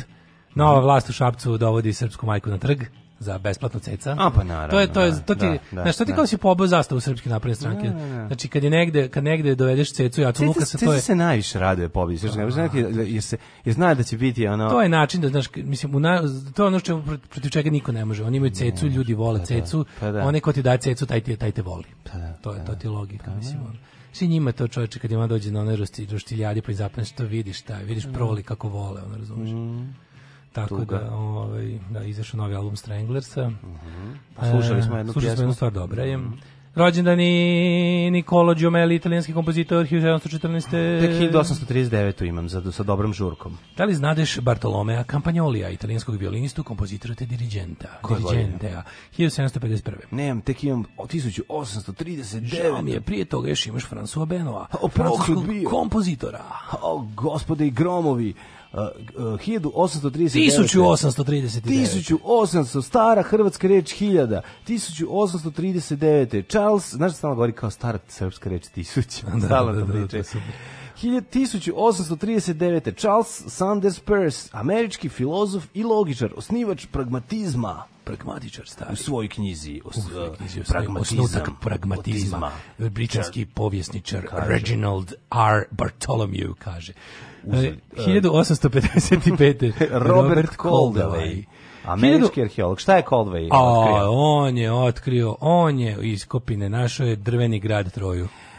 Na, ispeko je prvu proju. Ovaj, da, drveni je, grad ja? Proju. Mhm. Mm ne znam šta je naš ovaj, Robert ne znam, Coldaway. 1880. rođen patrijarh srpski Varnava, mm -hmm. gospodin Petar Rosić, 40. patrijarh srpske pravoslavne crkve, od 30. do 37. za vreme, onda ga je nasledio patrijarh Gavrilo, koji je bio za vrijeme drugog svjetskog rata i koji je bio dobar čovjek za razliku od vladike Nikolaja. 1898, Bessie Love, američko-britanska glumica. 1885. Dora Pejačević, kompozitorica. A, znadeš li Hildu Doolittle? Američku o, znaš da se čokolada Dora po njoj zove? Spisateljicu romana. Pa Stoji čokolada ime, Dora. Ima, Dori, Dora Dorina. Dora Dorina, da. A, 1890. rođena Elsa Šipare, Šia, She Wolf of the SS. Pareli, Italijansko-francuska modna kreatorica. Mm -hmm. Franz Werfel, ev, dobro, Franz Werfel, 1890. Austrijski pisac. Ja tek 1914. Pa onda Arthur Compton, pa Miguel Serrano. To sam rekao. Izvolim. Robert Wise, američki reditelj, producent i montažer. I montirao je. Znaš kako montira? Uh, rođena Ima Sumak, peruanska mm, pevačica. Suma Imak. Suma Imak. 1934. Dejan Čavić, srpski glumac, prevodilac, režiser. 31. Filip Baker Hall, američki glumac. 33. Karl Lagerfeld. Kako e, skoro umre, a meni piše da je 38. Da. rođen Karl Lagerfeld. Meni piše 33. Verovatno će preći biti priči biti da je 34, da je 38. Da, meni. on je skoro umro prošle godine, mislim, mm, dobro. Mm. Uh, ali nastavlja da živi 19. kao nastavlja da živi kao ilustracija na majicama sa pijace kod mnogog džibera. Da. 1945. E, Dobro, ja tek Jose Feliciano. Ja tek imam 50. Joe Perry, američki muzičar, najpoznati kao suosnivač i gitarista grupe Aerosmith. I e, Aerosmith. Da, Aerosmith, da, ovaj, Joe Perry, dobar, dobar gitarista. A znadeš Bruna Giacomelija, mm. vozača utrka. A znadeš li Amy Irving, američku glumicu? Znam, Janina Facho, kostarikanska glumica i producentkinja. A 1959. Branko Videković. Da, ovaj naš stari Džankoza najbolje na svijetu. Stari, najbolja, da, da, da. čovjek koji, e danas sam, on mi recimo danas kupio kurir sigurno. Branko Vidaković. A, pa da. da. ima kašika u kuriru danas. Danas dele dele ovaj kašiku pravu za da, sutra za, za krčkanje. Sutra mić. Sutra mić. Da, da, da. E, dakle, biće ovaj do kraja nedelje sakupite ceo set. E, Branko Vidaković meni njegova, mislim on je u mladosti zabeležio nekoliko baš dobrih uloga. On je bre super glumac, dobro božavam, on je meni taj bre. Znači, odlični taj dendi, on je dendi, razumeš? Da, on je bre, ono jebi vetar. Znači pravi onaj. Znači gle, ovaj igrao je dobra je uloga bila Robije, baš bila dobra dobra uloga Robije i naravno ne smemo ga zaboraviti kao druga pištu u, u seks partijski neprijatelj. To, to mu je jedina glavna uloga. To je njegov jedin. To, to je jedina glavna. Pa ja ne znam nego da ima glavnu ulogu negde. Da je Bane Videković prvi na špici. Znaš neki još primjer da je prvi na špici. Možda da. dome, slatki dome, ali... Pa i da, nije, jeste, među prvima da, je bio. Ovaj Colin Andrew Firth, Amer, Colin Firth, um, engleski glu, filmski i televizijski pozorišni glumac. Mm, pa onda glučina. Guy Ritchie, režiser mm -hmm. i bivši Madonin suprug, čovjek postigao. E, znaš ko je rođen današnji dan? 74. Guy Ritchie i Ivan Fece Firči. O, pa imam fis iz Firči. Mm -hmm. uh, 1974. Mirko Filipović, poznati kao Krokap. Mirko Krokap Alvirović, jedan od najboljih ovaj, bo, hrvatskih bo, boksača. automoto boksača. Njegova levica, božanska noži, božija levica, Siniše Mihajlovića Levija i božica. njegova. Ne, taj Leon on kad te spuca Kickbokser, za, za vrat. taj jedan borac, taj, te MMA ono, fighter. Znači, napravio tebe pez. Samo ti otvori glavu na nazad i pukneš. Filipović poznati kao Krok Up, jedan od mm. redkih likova. Čovjek bi rekao da je on, on je bio SDP, čovječ, nije bio HDZ. Da. Jako, bio kandidat SDP-a. Da. Jako mi je dobro ovaj, kad su ga pitali pa Žanko. Pa ti vidim. Koga, najbolje, kao kretinska pitanja, ali uvijek znaš kao... Ja ću vidjeti jean Da, vi ili kao, dajte, ono, molim vas, Jean-Claude Van Damme, kao, on je baletan, tako je da. nešto rekao. Ajte, molim vas, nemoj sad ovde. da... Ima nekoliko njegovih poraza i nekoliko njegovih fantastičnih ovaj, udaraca nogom u glavu. Ja volim ove njegove... Svako ja... koga je, ko je pazario tu levu nije uspio dosta. Da ja volim ove njegove sad patrole kad krene na more usput bije ljude. To je super, lepa, odvaljuje, ali stigni u paraliju polu stigni, stigni to kroz Grčku, mm. kroz Tursku, kroz ovu Bugarsku, izvinjam se. Mirko Krokap, Alvirović. Mirko Krokap, Alvirović. Mm Gustavo Kirten Bla, Blazirski teniser, bože zapinjem jezik. Muhamed Bešić Ramunas Šiška Uskas, litvanski košarkaš Uska, i, i ovaj košarkaški trener, sećamo se. Umrli na današnji uskasa. Da. dan 210 apne Qin Shi Huan, francuz, francuski, kineski car, ne, mm. ne idem više. Konstantin IV vizantijski car je umro 685, 954 Louis IV francuski. Matilda kralj. od engleske 1167, carica svijeta mm. Lajoš prvi anžujski hrvatsko-ugarski kralj, što bi rekao moj Mary profesor Peter Wollstonecraft, mm. engleska knjižnica irskog podrijetla i sifražetkinja, prva jedna od. Jer jeste. Da, ona je baš među prvim, mislim da ono možda i izmislila taj termin. Števan Sijarto, slovenski pjesnik te učitelj u Mađarskoj. Jevrem Obrenović, 1856. Najmlađi borazer Miloša Obrenović, da jeste bio obor knez Šabačke nahije. Uh, umro Ferdinand I od bugarske knez i kralj pred bugarskim. Aha, pa onda Ivan Stevo Krajačić 1986. E, Agostino Neto, uh, angolski državnik i pesnik. Njegov brat Bruto. Komunist. Felix Bloch, američki fizičar 83. Ne. Uh, 83. John Uh, Brauer Minoh, amerikanac koji se smatra najtežim čovjekom koji ikad žive, ima 634 kile. 634 kile. Pominuše. Umro 83. Bog, koliko se živimo ga 35 kako godina. Kako srce radi? Koliko, pa kako 35 godina radilo? Matori, kako? Pa radilo bi bam, bam, bam, bam. Kako, čoveč? Na današnji dan umre Radomir Rade Marković 2010. Kakva faca? Rade Marković da, da glumac? Da, post, Rade Marković glumac. Da, da Koje godine on umro? 2010. Ja sam da on kasnije. 2010. On je umro pre Olivere. Olivera 2000 i koje? Um, pre Olivere umro, mislim. Da, da, da. da, da. Uh, 2017. Rade, znaš ti da je Rade Marković bio oženjen Nedom Arnerić? Stvarno. Da, znaš da ona je, ona je bila keva Goranu Markoviću neko kratko vreme, mislim, maćeha. Čak me zajebali. Ne, znači, Rade bio najveći bačije u Ma znam da li što, kako to je? Pa vidiš ti ne znaš, zato što nećeš ne da, da čitaš. Ne da, bila maćiha jedno maćiha vreme. Maćiha Goranu Marković. Gde si to čitao? Pa u knjizi Gorana Markovića. Koji Gorana Markovića? Pa imaš na ono... Na, Počito sam mnoge knjige od njega, ali da sam tu baš propustio. Propustio si jako zanimljive priče. Da nije to u onom romansiranom delu, da je možda on fantazirao da mu je to step mom. nije, ne kao, ti, ne kao što smo mi svi fantazirali, ali nije. E, 2017. umro Petar Lazić, jedan od ovaj novinar publicista. Ne, možeš kad Rade Marković dođe. Znati kao urednik, doživotni urednik. Kad Rade Marković dođe kod tebe, otvori frižider, izvedi tortu i počne da jede samo žele od gore, ti samo skidaš gaci. Nema šta da radi. Tako kad, je, i pitaš se imaš imaš li boračkog staža? Milo je. I pitaš imaš li boračkog staža? Ali Milo je, ja hoću da radim. I počelo je ono, znaš, 1. maj, dan mladosti, 29. novembar. Mi nismo hteli, odbili smo. Računali smo, dobit ćemo podršku, bit će to kao štrajk rokera. Međutim, ispušili smo.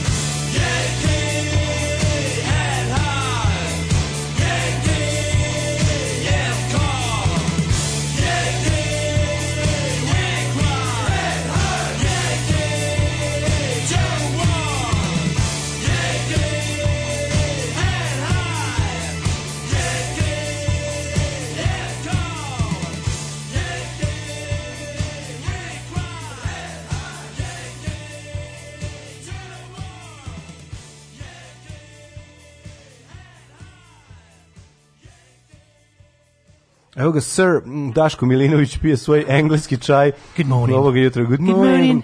How are you today? Well, Matt Gerald, how are you today, Matt Gerald? Feeling rather peculiar. But it's nice, isn't it? Moraš prvo vremenu. Well, prvo je ono kao... Well, it's nice being here, isn't it? Da. Znaš kada da. je, znaš, mhm. isn't it? Yeah. Da, to je baš ovaj... Yeah. Ovdje si sad ušao u David Attenborough. Thank you for the nice cuppa. Aha. Um, Uh, enjoy it, a mi ćemo da vidimo sada ovaj, šta rade. Can we check out the time opportunities, time please? opportunities, okay. Let's go.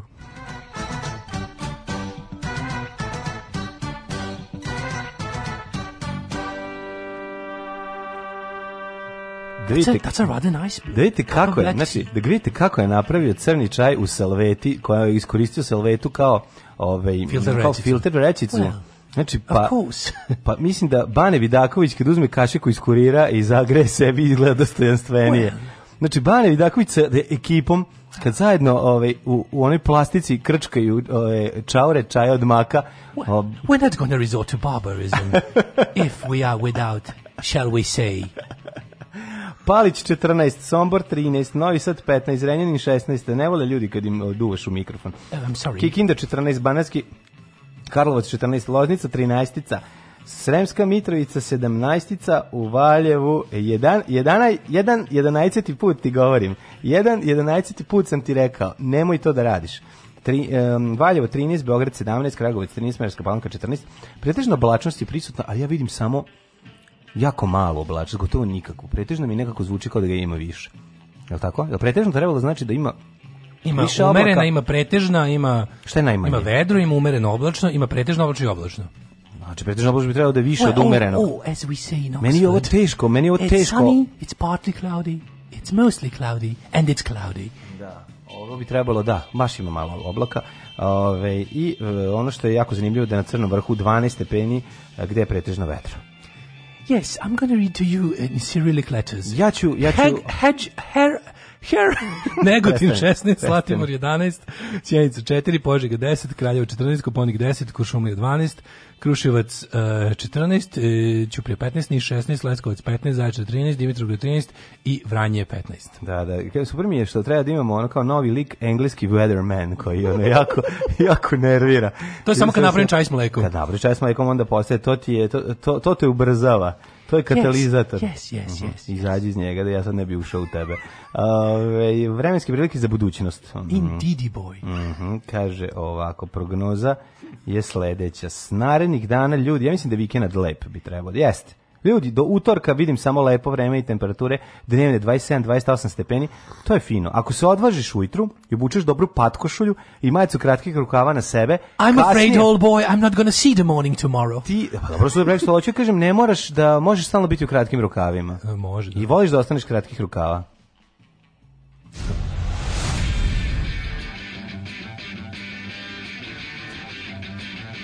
Sutra idem na razgovor neku pekaru Bekara od pola šest radi. Jebem ti pola šest bogova. Alarm sa mlađom i Daškom. Ne gledam.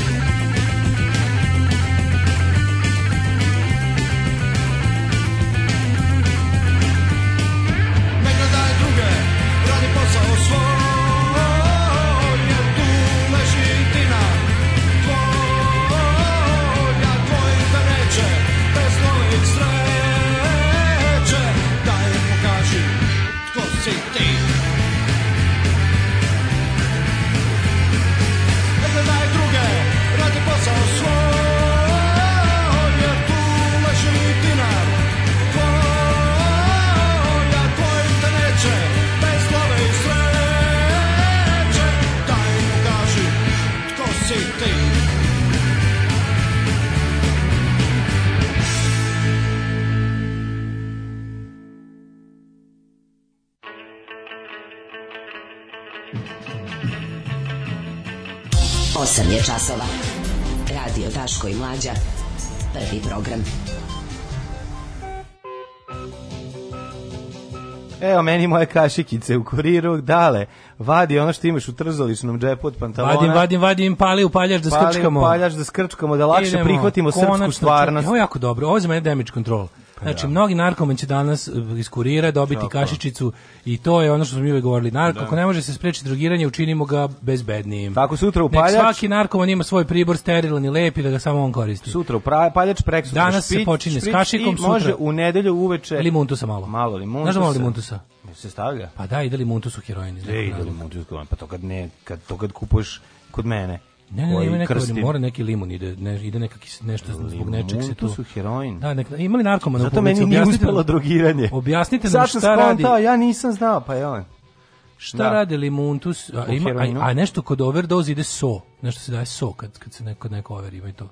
Sav se daje da ga odoveriš? Da ga odoveriš, da. Pa nešto. dobro, daje se infuzije. Neka da. varijanta ima, daj, mm. da, dajte soli daj se adrenalin u srce, prijatelju. Pa to je, mislim, to je, last, to je last ditch effort. Pa dobro. To je, da. A kašika, ova kašika, o, pa o, nije baš nešto, mogli malo bolje. Jako je loša, znači loša ovo, ovo, je, da. ovo je loša kašika za drugi. Jeste, jeste, morali Muntus vidiš, znaju Najbolje kad je u Gajbari došao izvisni lik, došao izvisni lik iz jednog benda ovaj, prigradskog da jasno i glasno traži od mene kašiku. Aha. Na što sam ja dao plastičnu kašiku. To ste ovaj znači, pogleda, ovaj čuveni, pogleda. Ovako, ja i moj drug Vaske i ma, pokojni mali Rada, legendarni dolazi, to što mhm. matori, možeš jednu kašiku ovaj Vaske, plastičnu. Da, da, plastičnu. Da.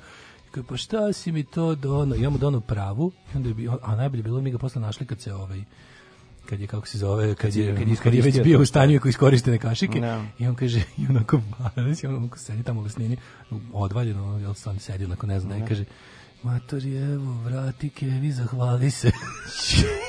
Ja, pičku mater, kao, neka zadrži, ti, treba će ti još. Ti opereš i Rekla je mama da zadržiš. Ja, ne. kao neko u redu je. Da, daj savi neki zašilj. Oh, A ovaj, u, u, u, ovaj, e, u narednom satu ćemo da bistrimo prvo novine, pošto smo već jako dobro ispričali ovo vezano za za farbanje, ovih mislim možemo još da još o tome pričati, ali o, ima i drugih tema. Juče se Vučić ukazao ili nije? Juče trebalo da bude ukazanije pa bilo je, bio, bio je bespotrebni, ono, to bilo juče ili prekiče? Sve se brkaju mi se dani. Da, da, da. No, bespotrebno obraćanje građanima da kaže da će doći Angela Merkel.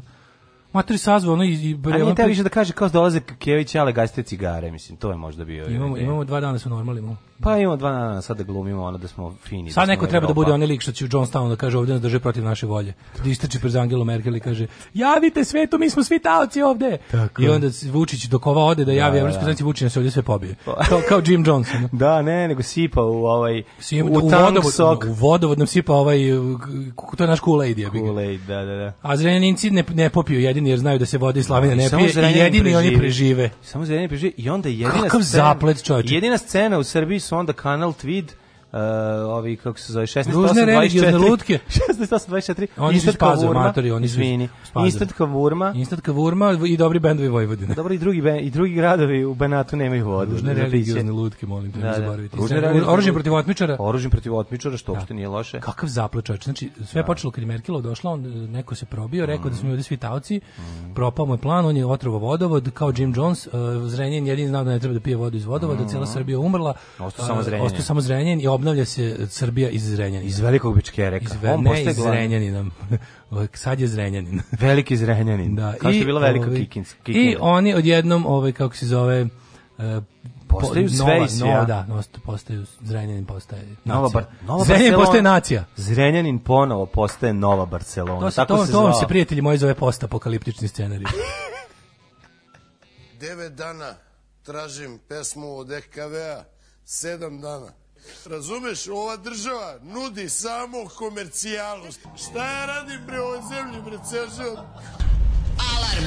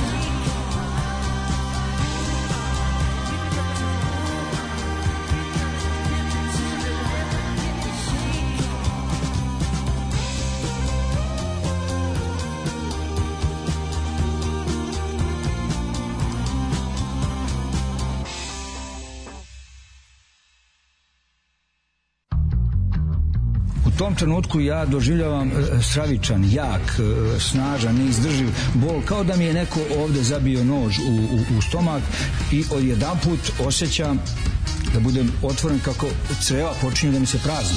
Alarms svakog radnog jutra od 7 do 10. Do 10.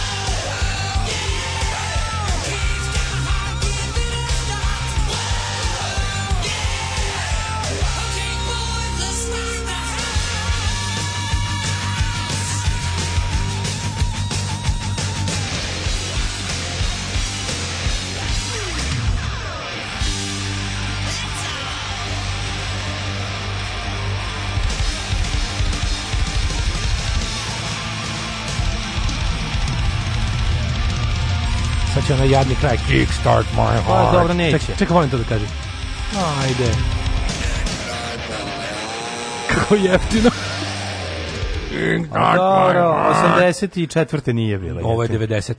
Ovo je 90. Da, Dr. Feelgood album. To je Dr. Good. Dr. Znači. Feelgood, da, da, da. da, da, da. Ove, slušam vas sa potencijalnim novim slušalcem, pričati sad jako smiješno da ga pridobijemo. Evo, evo, slušaj. Ej, pazi, e, slušaj, evo, pazi, e, slušaj. Ej, bila ti ovaj. debela Nemca. Slušaj, ovo materi, pa e, brate, popi pivo, ej, ej, e, ja i Ortak krenuli, naš, ono, iš zajedno i, i sad on se zove Zoran i ja se zovem Zoran. I mi, seli, ono, uzeli pretop e, u naš, na Zlatiboru i dođe korobarica i kao, ej, donesi Zoranu pivo. A i gazda bio Zoran. A i gazda, gazda bio I nas dvojice kao, e, e, e kao, šta, šta je, ma, šta je? Ortak, e, on, on, ma, e, piši, živi, šta ti ba, pa, pričaju. E, ludilo, znači, ono, on gleda, deo, a devojka mlada, znači, drugi dan tek radila konobarica.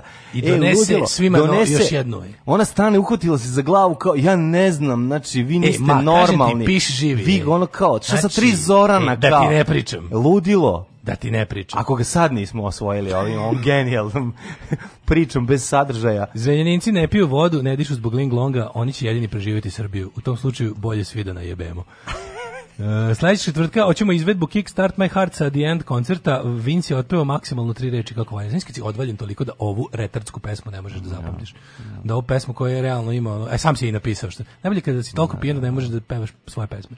Kaže, u kakva blokčina. Pre toga smo slušali Kasabijan, je tako? Da, da, da. Gde je to bila zapravo Fire pesma koja je zvanična pesma premier lige do pre koju godinu. Mm -hmm. I sad taman dođe kao najava premier lige za vikend konačno da sjaše ove mrtve repstacije. Mm nemate pojma koliko ova pesma znači ljubiteljima premier lige idemo Rolnado se vraća na teatar Dasaka koje Old da Trafford da znači. Ja nisam znao da sam tako po, po, pogodio u, u futbolsku žicu. Pa kako nije drago. Čovječe. Kaže, odlični su, Motley Crue, su oni svirali u Indiji. Kako ne? o, majko, ne, Vinčić e, da, kaže, morali mutas da li mutas da na pribor. Uh mhm. -huh. ovaj, pa onda ovako, ovaj, daje se na lokson, jeboga ga otac koga izmisli, adrenalin je fora ispred paračke priče. Ovo zvuči kao čovjek sa mnogo iskustva da je rekao. Pa dobro, ja ne znam. Zvuči kao baš, što se kaže, from the horse's mouth. From the user of the horse mouth.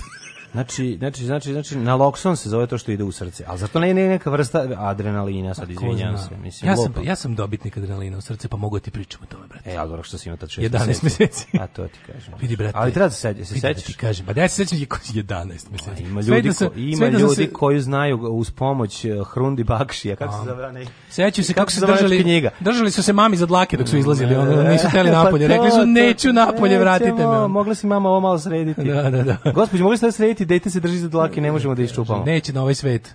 Neće na ovaj svet, zašto? Pa zato što pa ovde, ovde potok, ovde, ovde cvet. cvet. Da, da. e, ove odlazi na majka, ne, ovde muti. ovde potok, ovde cev, e to je. Onde potok, ovde, u, da. nju, u njega cev. U njega cev. Uh mhm. -huh. ove, odlazi nam majka naša. Dolazi nam Merkelova. Bleda majka naša, ne, muti Merkel. dolazi nam da nam ode, Moram to da mi je najtužnije. Ne, dolazi nam da nam ode. Angela Merkel se povlači iz politike. To jako nije dobro. 16 godina na čelu Nemačke, 4 puna mandata. Oni tamo nemaju ograničenje, mi, ovaj, mislim da nemaju, ili da. četiri ograničenje. Uglavnom žene idu u penziju ja, zasluženu. Da- ja da kad bi želeo da imam nemačku babu, babu nemački, to bi bila Merkel. Angela Merkel. Prvo da bi prv, bila babu ja sam, ja sam Sve odradio, da ti Ja sam odradio nešto kao neki, kako bih rekao, u znak zahvalnosti, Bio sam ispred tamo gde ona živi, baš deo je kuća, ona živi u Berlinu, u, u živi u Berlinu u Miteu tamo baš ovaj. U Miteu Balije, ugo Miteu Balije, Balije Oblaš Bobana, da, baš u Miteu tamo ispred, njoj ispred kuće nedeljom buvljak, verovali ne, ona živi kod buvljaka. Pa bukvalno ispred kuće. Ona živi moj ideal. Ona e, živi bukvalno da to. Ja sam pomislio, ja sam pomislio da to tvoja baba iz Nemačke, ti bi stalno išao kod nje jer je ispred da. kuće buvljak kako je njoj dobro. Ona I jako dobro, obična stambena zgrada, ona znaš kakvih u Berlinu ima, kakvih je 90% u Berlinu, ona četvorspratnica, onako bez lifta. Je i tu ona živi mislim na trećem spratu i samo lifta, stoje majko, samo dva pandura. Ništa nisu dirali njenu zgradu, ništa nisu adaptirali od kad je ona tu kancelarka. Živi tu ceo svoj mandat. Kraljica. Ima dva policajca stoje ispred zgrade, ali ne onako da ne onako da se nešto nego sede tu onako tipa ako ne, ako primete frku delo. znači A sede piju piju. Bukvalno sede pa piju piju, bukvalno ta varijanta. Znači da. ona ovaj i jedino kad ulaziš ulaz, ona traži ti papire ili tako nešto. Da, da, da. To je to je to je, to je kao Pa zašto ulaziš sa bubljaka pa ona da vidi ima sin, pa, ja. neki papire kupio. I onda sam ja da se ne bi muti Merkel. Traži ti papir, što im je ladno. Ispred ulaza, bukvalno su ispred ulaza, oni imaju u Nemačku, imaju nešto kod još nije zaživelo. Oni to zovu, oni, oni, znaš, oni bandera sandviči za izbore. Ma, znaš bre da je u Nemačkoj e, jedinica petica. Znaš da u Nemačkoj ima, oni, pred izbora imaju oni, oni za bandere, onako kad stave, ali, one plakate ali, sandviče. Ali imaju, imaju nešto što drži, da, da, što pa se znaš, to, to je baš nemačka fora. Banderu, da, to da, kod da, da. nas nema, to kod ne. nas nema, to je predizborno oglašavanje, gde da ona kao, i ona bude velika faca. To se zove neću da uništim banderu. To se zove da, neću da uništim banderu i neću da uh, uništavam pa javnu površinu. I onda na banderama stavljaju te te na to ide da neko lepenko, onako čvrsto je mm -hmm. i jako je to pravi se taj takozvani lepenski vir. Napravi le, da. Le, le, da, od lepenki. Da. I njoj su tu ovi AFD ekstremna desnica su ovaj kako se Napisali zove nešto. ispred zgrade su je stavili ti ja sam da se muti Merkel ne bi me ovaj, nervirala, ja sam prelepljivo nalepnicama. E, Toliko ja mogu da učinim za, za našu majku. Kad naša baka... Pazi, žena koja je onako nominalno isto s desnice, ne. s desnog centra. S desna. Ona je, ona je predsjednica CDU, mm. znači da je partija desnog centra, konzervativne partije Nemačke. Mi smo za LPU, naravno, uvijek bili, nikada za CDU. Nikad za CDU, da, da, mi smo tako. za LPU. a i moj drugar koji je onako prilično radikalni levičar je rekao, kaže, jebi ga, ovo je bila najlevlja premijerka mm. Nemačke koju ja pamtim. Mm. Zato što čovjek se ne seća Vilija Branta mm. i od kad njemu sećanje doseže, ovaj kaže, ovo je, mislim, ona je, ona je bila, kaže, kaže, recimo za, za Šredera, ova žena je komunistkinja. Pa da, pa da. Kaže, za Šredera koji je bio iz SPD-a, koja je kao partija levog centra. Da, da. Šreder koji je iz spd je bio onog, onog najgrđi neoliberalni imperijalista da. i čovjek koji je imao hiljadu puta restriktivniju politiku prema imigrantima, prema raznim stvarima. Sad, ova žena je to tokom svog mandata imala hiljadu izazova da je postupila dosta levo. Mislim, nije bi se očekivalo od nje. I politika prema migrantima, i netolerancija prema ovaj, radikalnoj desnici u Nemačkoj, ok, za njenog mandata jeste skočila i ajde, ali, ali je i pala, jebi ga, mislim, mm. znaš. I tako nije, nije išla na te neke populističke poteze tipa da usvaja politike, uh, ovaj, razne politike ekstremne desnice, ne bili ih na taj način lišila potencijala. Nego je furala svoju politiku koja je bila dosta onako, znaš, ono, što se kaže, socijalna država. Da, da. I to je bilo onako, kažem ti, to jeste CDU, to jeste imala, znaš, ali ali je vodila jednu onako humanu politiku Nemačke, kakvu, kakvu Nemci ne pamte. Da, da. I kao takva je imala jednu veliku grešku, a to je što je našla ovaj, kako je, posinka na obodu civilizovane Evrope u vidu Aleksandra Vučića. Pa ne znam da što je kako je godila je godila je Nemcima, nama baš i nije jer je odlučila da svim srcem podrži svog političkog posinka na obodu Evrope Aleksandra Vučića i time nas zavila u crno i verovatno ugasila našu državu za zauvek. Pa, mislim... Ali nema veze, naša država i služi da se ugasi. Pa ne znam, ovaj, to što se toga tiče, mislim, takva je situacija i u Mađarskoj, takva je situacija, situacija u Poljskoj, ono, Vučići sede, odnosno Orbani, odnosno kako se zove poljski premijer, ovaj, odnosno predsjednik, sede već ovaj, duže vreme, tako da što se toga tiče, to je licimeri Evrope kojih smo videli. Ali ne, to kad puta. pričamo, što neko pa reče, ne, šta njih boli dupa, neko reče, ukidam Patreon, ako nastavite da je hvalite, ona nam je stvarila Vučića, to ti je ono naše večito, da. to je najbolji pokazatelj našeg raskoraka sa svetom. Na, na. 90. godine, ceo svet pamti kao najbolju deceniju 20. Mm. veka, mi je pamtimo kao najgoru, to je naš raskor, znači ono to što Merkelova je bila sad da mi možemo to nađemo neku korelaciju tipa da li je da li je bilo neophodno da, da na obodu Evrope postave autokratske ludake da bi u centru Evrope bilo lepo, to sad možemo da diskutujemo. Ali, ne znam. Ali da ih je postavila, postavila ih. Mm-hmm. ne, ne vidi, ovaj, radi se o tome da su oni dobili odrešene ruke da rade kod sebe, kod kuće šta hoće, dok, jel tako, dok fasada stoji ovaj, lepo fasada sređena. Fasada drži, a temelji klize, klize e, pa naše da, soliter, da, pod izvesnim. Nemoj, nemoj, tu pesmu, molim te. Ove, ovaj, kako se zove. Ovaj, o, to je suština problema. I e sad mi možemo da kažemo, da, vi pogledajte kako mi živimo. Mislim, taj glas, čak i kad bude došao do nje. Znači, oni će eto prepoznati u, u, u jednoj rečenici eto da bi možda bilo dobro da se to malo i promeni, ali u suštini nije ni ovako vama loše. Pa ne, visu, pa kao zašto bi ja vama dirala pa, da. nešto što kao, da, da, da. krčag ide na vodu dok mm. se ne mm. razbije. To je to mm. stalno treba ponavljati ljudima. Da nama stvarno smeta Vučić, mi bismo ga sklonili. E jebote, mislim mm. to je dosta jednostavno. Ali ovaj da, da ili da, da nam da da mi imamo čime da ga zamene, odnosno da postoji kvalifikovana grupa ljudi, koliko god ona bila mala, a opet jako rešena i spretna, ona bi ga isto sklonila. Nego se radi o tome što, znaš kao razmišljam o tome odakle ta, odakle, ja sećam kad je ona došla na vlast, da su sva predviđenja međunarodnih tih analitičara bilo kao, u, počinje kao tvrda konzervativna, zato što kao najgori CDU je CDU iz istočne Nemačke. Ona je DDR žena, ona je ta koja je propatila pod komunizmom, ona je ta koja je prva žela da vidi leđa, naš bilo kakve levici, kad ono ne ispade da je u stvari ona kao ćerka protestantskog pastora, pazi, to je jako interesantno, to treba to je jedan deo nemačke istorije koji je dosta interesantan, mm -hmm. da su te uh, protestanti kojih ima više na istoku Nemačke su ovaj e, imali jedan jako čudan odnos sa tim DDR režimom jer su oni na primjer bili jako je kao iako religiozna grupa, ali oni su na početku na početku uspostavljanja tog režima bili prilično pa ne bih rekao baš aj možda je prejako da kažem ono saveznici, ali su bili nekako u fazonu, podržavali su tu E, neku tu sovjetsku politiku radikalne denacifikacije. I onda im je da. pri stvaranju DDR-a ne mogu da kažem, nisu nisu bili očekivalo se da će da će ovaj protestanti sa istoka biti ne znam kakva opozicija tome. A oni su prilično to nekako zato što su oni dosta propatili ovaj pod nacizmom mm i onda je nekako su oni su stvarno videli taj taj no, pa taj sovjetski model na početku kao oslobođenje. Pa dobro nisu baš imali ovaj, ni puno izbora. Da, ali mogli su naše religiozne grupe kato, katolici u komunizmu su bili da za, za religiju granice ne postoje. Pa da li smo videli, kažem katolici, mađu, u, katolici u komunizmu, sada. katolička crkva u da. komunističkim da. zemljama je bila večiti remetilački faktor na mm. kraju kraju mnogim zemljama i došla glave socijalizmu. Ne. Pogled Poljsku, pogled bilo šta. Znači, ova protestantska protestantska ovaj crkva u istočnoj Nemačkoj nije bila u nekoj svađi sa ovaj. dopušt naš na primjer njima je sve vrijeme to bilo interesantno DDR koji je bio jel de facto ono mislim obični satelit Sovjetskog saveza imao neku vrstu dosta velike religiozne slobode u odnosu na ostale uh, zemlje istočnog tog lagera. A to je baš zbog toga što je ta crkva bila. E sad njen čale kao pastor Mislim, on je verovatno živjela ta priča da on zapravo radio kao za štazi, tako to su pričali za... za to se priča svakog drugog čovjeka. Svakog drugog čovjeka iz Nemačke, da. Što je, što je Ali, istina. Da, on je stvarno u svom, kažem, u svoje četiri mandata je vodilo tu Nemačku na jedan vrlo onako, kažem ti, levlji način od mnogih SPD-ovih kancelara nama je eto dolazi a vidiš ti koliko čudno mi je da Čekaj, da nama sad dolazi za svoju poslednju za farewell tour da. ono što bi se reklo da odabrala je da poseti ovog svog malog i znači samo na kraju kaže ti si moj najveći neuspeh jebem ti sunce. A, neće mu to reći, nego će...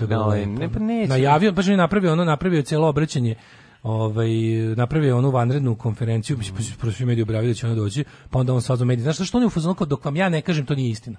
Mm, yeah. Da. Znaš, da on stalno tako se ponaša tipa pusti probni balon, buvu, što bi se reklo, onda se to ponavlja, ponavlja, i onda kao, e, a sad da čujete od mene, onda je pravo. On voli da što je miljenik njen, mislim. Kako ne voli što je jako kurči. Pa jeste, ali mislim, više voli kod, ne znam, pri, intimno kod njega. Znači, više mi nije jasno, ne mogu da procenim. Ja sam stalno mislio intimno da on naginje intimno prema Putinu, mislim, da, da, da uživa u... Ali, opet, s druge strane, Znaš kao, voli on zapad, nije on baš toliko da ne voli. I, Mm. Pa ne, Vučić, zašto je horov kod Vučića? On ima taj, njegova večita šizofrena, ono, da. njegov šizofren problem je taj. Što on u isto vrijeme želi da bude faca, vođi navijača, kog nikad nije uspeo da... Uh mhm. -huh fascinira, a kako se približio ovoj višoj sferi, on je tavorio dugo u, sve, u svetu te šator baja malih ninja politike. Tako, hoće on da popije vino sa Merkelom i sad kad da je izbio u tako. ono, on, sad kad je izbio svetsku diplomatiju, on bi sada stisnuo da prdne. Ne. Znači, on stalno mora balansirati između toga da bude dobar sa ono kizom, e, frkom da. Da, da, i da bude dobar Angeli Merkel. I tu su svi naši problemi. Što on ne može da se fokusira na jedno pa da znamo na čemu smo, da on, da on jasno hoće da, da bude ono kao, znaš, da on samo želi da bude u životu miljenik Angele Merkel pa da se vada kao Angela Merkel, pa mi bio ni pojadao, ono mislim mada bi ja i dalje smatrao da on treba da bude u doživotnoj robi zbog 90-ih. Ali, ovaj, ali bi naravno danas nama bilo bolje. A ovako da on svako malo, znaš, treba da malo zadovolji i četnike pod šatrom koji guraju ražanju dupe sami sebi pijani i ove, i ove fine što, što jedu, razumeš, jagode, to kao, to kao što jedu vic, jagode s escegom. A to je kao nečuveni vid sa Milkom Planinc. Jednom, jednom nogom je ovaj, u, be, u, u, u, Moskvi, a drugom nogom on, u Berlinu. On je jednom nogom u Berlinu, a drugom je jebiga na Kosovu. Da, da, da, da I onda, i onda tu... I onda gde? U Rašku je najbolja. I onda nam spusti jaja na facu svoje meni. Bajkan men, deti gaun. Tilulilu. Mrzim Tinu Ninu. Alarm sa mlađom i Daškom.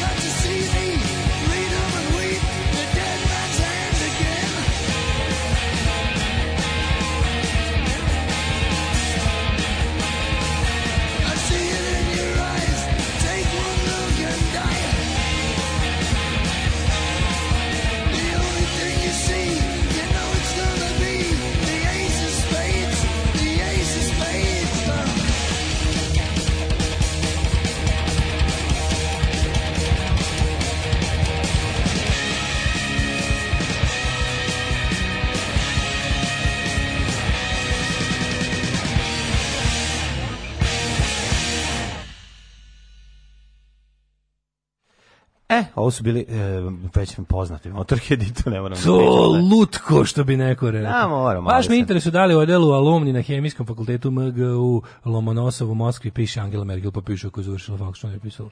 Da. Mislim ako tamo, a moguće da je tamo gdje su oni gde su oni drugo mogli da idu tada kad je ona bila studentkinja. Ove, um, kaže, ale, ne, ale Lego Ace of Spades. Nakon mhm. priča o Merkelovoj, svaka čast dobrom čovjeku na izboru, pretpostavljam. On mrzi Tinu Ninu, ja mrzim njega, mrzim što mu je data tolika moć da sad pričamo šta on misli kako konta u stvari šupčina, smradina iz našeg društva, bedne podguzne muve ga čine tako zajbanim, jebo nam pa, jeo nam pas malter svima. Mm. Merkelova i Tiga Duvaj. Ču, setimo se samo albuma grupe Late 3, Angela Merkel Sere. Sere, da. Tako im se zove posljednji album. Tako im se zove poslednji album Angela Merkel Sere. Uh, o, bravo, mlađo Pimpik ti porastio. Ove, je li ovo danas mlađina playlista? Jeste. Um, Vučić voli zapad od rane mladosti, želi da proširi Srbiju na zapad. Uh, mlađi brej taj ne voli ništa, on ni sebe ne voli, nego nije svestan toga. Yeah. Je li istina da ga neko pitao zašto je sad sazvao konferenciju? Jeste, to je bilo jako smešno. To je bilo jako smešno kad ga novinar N1 pitao, ovaj, kako je rekao, ja, a možemo, da, možemo li da znamo kad je završio s tom pričom, dok je rekao ništa, rekao, izvinite, a koji je razlog sazivanja ovog i zašto su pored vas sve vrijeme sedeli Mali i Vulin koji ništa nisu rekli? I onda je bilo, znači, znaš kako je bilo neprijatno. To je super kada ga tako samo... Da. Interes, zabavno je kada, kada čoveku samo staviš ogledalo ispred njega. Um, kaže, ja sam za futbalsku filozofiju u politici. Ako na domaćem tržištu nema adekvatnih igrača, dovedi stranca, mm -hmm. angažovali, angažovati tetka Angelo da dođe kod nas da vodi državu. Da, stvarno čovječe, što ako su žena sad u penziji? A sigurno će se raditi da radi i iz penzije. Pa nek radi iz penzije. Pa to je bilo super. Znači, dobijemo ovdje, šta smo sve plaćali, kakve smo sve budale plaćali, davali pasoš rad, raznima. Mm -hmm. Ali jebi ga dati odrešene ruke, šta sad? Da, pa znam šta je problem ovde. Znaš. Nek nam jednom Nemci kroje kapu u miru, pa, kad što neko ne, reče. Kad bi nam Nemci krojili kapu u miru, to možda ne bi bila loša ideja.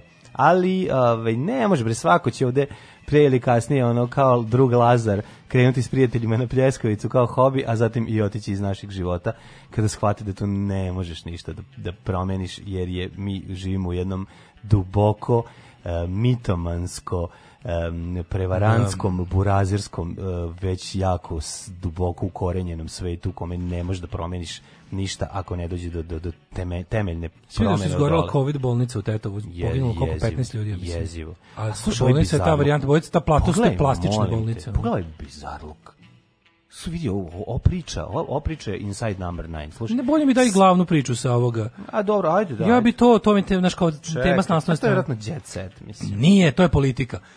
Šta se, ne, ne, mene zanima šta o, se desilo. Na, evo. Šta se desilo? Pazi, de, u čolu se ne dira. Da ne, ne, ne, pišu se kritički tekstovi o čoli. Znam, ali ja bi Srbin harpunom ranio su narodnika u Francuskoj, čovjek došao sa harpunom u glavi. Jebemo mater, mislim, kako možda mi, kako možda mi pređeš preko ove vesti? Pa dobro, prošlo mu kršćevani režim, to je ništa. Pa, pa tu, je samo, tu su samo sve ove kroz, važne stvari u pa mozgu. Pa, to je jako važno, mislim, pa ali izgleda, ne znamo, prošlo kroz, jeste, kroz lobanju. nije kroz pa, kožu, kroz kožu je samo. To sam, pa kako kroz kožu samo jebote Jebi bog? Ga. Kako to može? Državljan Srbije uhapšen je u gradiću, koliko... pa da mu je prošlo kroz lobanju, on ne bi sedeo tu, mislim, čovjek. Može to da se desi, čovjek, čovjek ljudi s nožem u glavi, ono bili naš onaj čovjek što bi nož u glavu dobio. On je jedan car što su mu zabili tačno između dve hemisfere mozga nož. Znaš što? Kakva preciznost. Da, kakva preciznost. To je vjerojatno mesar uradio. Mhm. Srpski državljanin uhapšen je u sredu nakon 19 sati potres zbog sumnje da je harpunom u glavu pogodio su narodnika u francuskom gradu Aržele, Surmer e, prenosi, to znači da je to na moru. Petrovac na da. moru. Petrovac na moru. da, e, da ne mislite da je da na Mlavi ili Bački? Nije, nije. Ba, ne, svakidešnji pokušaj ubistva dogodio su u utorak oko 7 sati ujutru u mestu koje se nalazi u blizini španske granice. Dvojica Srba se poznaju od ranije, uhapšeni nekoliko dana pre incidenta došao u goste kod žrtve. Navodno, uhapšeni srpski ženjan nema priljen borak u Francuskoj, prenose lokalni mediji. Navodi žrtva radila kao čuvar jednog restorana i da je, a to je došlo do fajta oko ispla, garantovano, već mogu misliti. Uh, restoran ide u da je upucan po povratku s posla. Kako navodne meni stvari došlo po zlu utorak kada je uhapšeno, na, na, na, kaže ovako.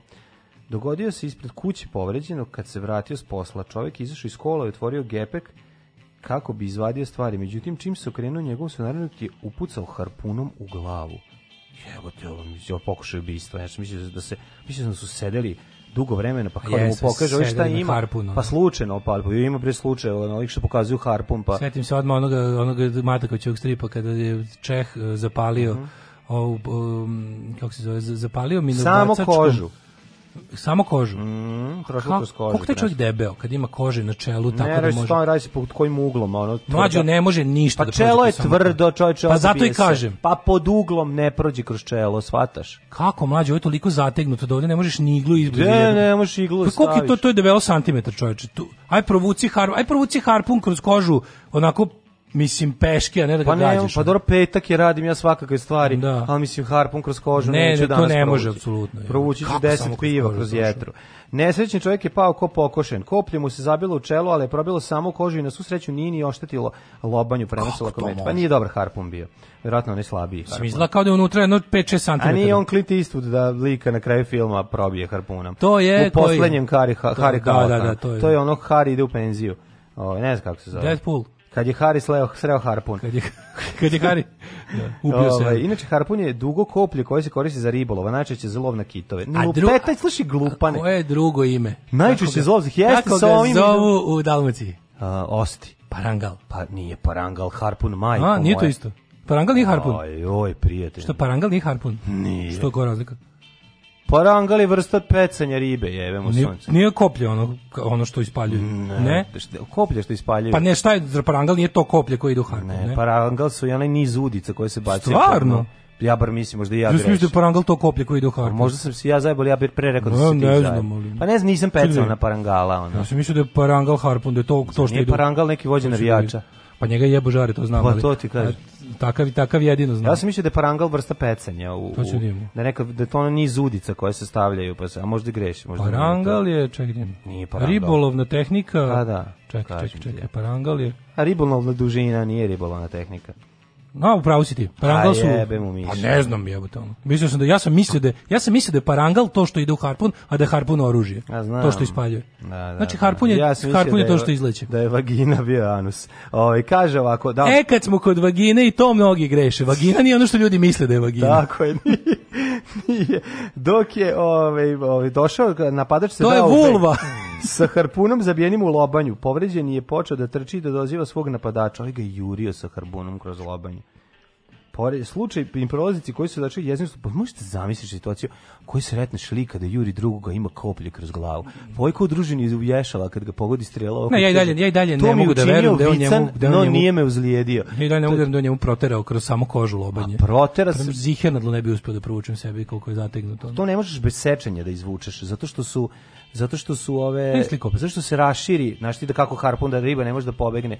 On ima kad ga prođe, on on, on se otvori. otvori se, da, da, da, da, i onda da. ne možeš da vratiš nazad. Da, da, ne znam da si nekad bavio ovaj podvodnim ribolovom. Nisam se bavio, da, sam da jesam znao bi da parangal ne ide u harpu. Pa evo, ovi, sa tobom je ovoga jutra čovjek koji je... Dobro jutro, s nama je Šior, ovaj, Barba, Barba, Baraba, Baraba, mlađa, Baraba, Mladen, Mladen, Baraba Mladen, Barba Mladene, da, Barba, barba. Mladene, kada ste se prvi, kada ste prvi put pa osjetili strast da sa ovim, kako, tako, tako, tako govori kona iz, iz, iz ovih, kako se zove, pa Đura kad imitira, ma bre stvar od dječaka Evala, pa od dječaka stvar Evala, Toribba imala 200 kila, bogati. To je to. Ja sam uzao 300 kila. Dalmaciju, majko, ja zaljubljen sam u te. Krenuo sam da lovim. Kažite mi vaše podvodne iskustvo. Da li ste na dah išli na, Tako, na zadah? išao sam na zadah. ronio sam na zadah. Išao na zadah.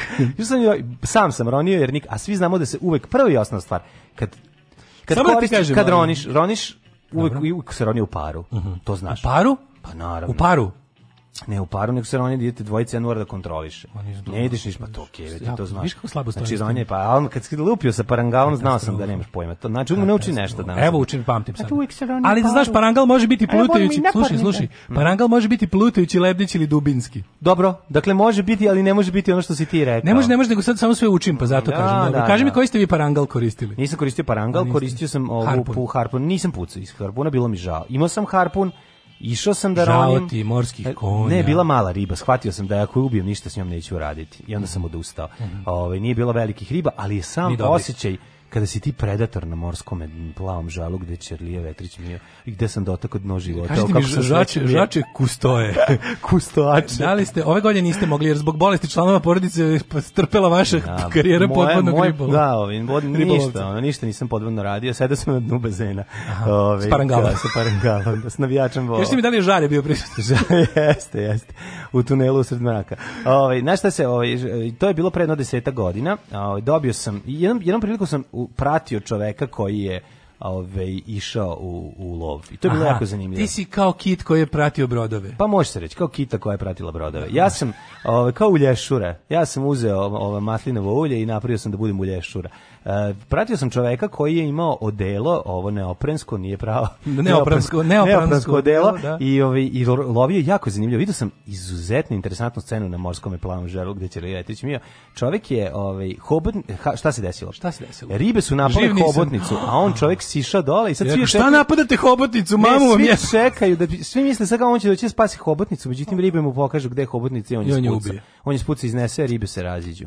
To je baš onako bilo interesantno po meni, dosta ovako velika nepravda. Evo, a da li si znao da je Parangal i mesto u Indiji, u Iranu? U Iranu ne. Eto, sad sam i to saznao. A dobro, ne vidim, ako, kako je rekao, šta god sad pokušao tu da pronađeš, ne neće, ovaj, ovo je baš, ovo si mora znati, majku, Parangal. Ja sam mislio da je Parangal koplje koje ide u Harpun, da je Harpun oružje, to sam mislio, ceo život. Da, da. Ali evo, čovek se, da čovjeka... čovek se uči dok ne, je živ. Ne, okay, i ne, ne znaš, pa ne znaš, mislim, no, no. I po, nekad ja nešto neću znati zato, u nekoj od emisije. Zato i ja ne idem u podlovni, podvodni ribolov, ove, da ne bi nekog kažem, ubio parangao. Ja ti kažem, ja sam, ove, ove, jednom sam bio naoružan i baš sam krenuo na I opasan. podvodni ribolov, da, bio sam ove, na, naoružan i bezopasan, jer nisam na kraju pucao. Znači, došao sam do jedne jako dobre ribe, da? mislim da je bio u pitanju ovaj, zubatac. Zubatac? Mm -hmm. Aha, sisatac. I, ambit, bio jako... Kad izađeš na plažu, a tamo sisatac. Jako je strašno, znaš, pod morem stvarno stvari izgledaju veće, ne znam da znaš. Je, da, a, znam, da, da, ja znam, zato treba snimati a, da, da. domaće, po pod morem. Samo pod morem, da, da pod domaći morem. Mislim da je to zbog toga što ova, ima Bolje maska. u Dunavu, možda, bolje u Dunavu, ne uveličava sve, pa da, izgleda pa da, maska, Ta ribica da. izgleda veće, koja ono, da, znaš, da, ono, ono sam video ovaj čovjek što je u upucao kad je izna napolje, gospode Bože, ono tuga i jad. I onda sam ja samo re, ostavio pušku i nastavio da se bavim I rekao sam, svojim... zbogom oružje. Neću više, znači sad sam morao onim... Odu na plažu, gledam se. Sad sam morao onim što se radi. Svakog prokletog radnog jutra. Još da piješ nešto? Pomogu pa bi jedan vinjak ako imate. Pa će Alarm sa mlađom i Daškom. Alarm. Alarm.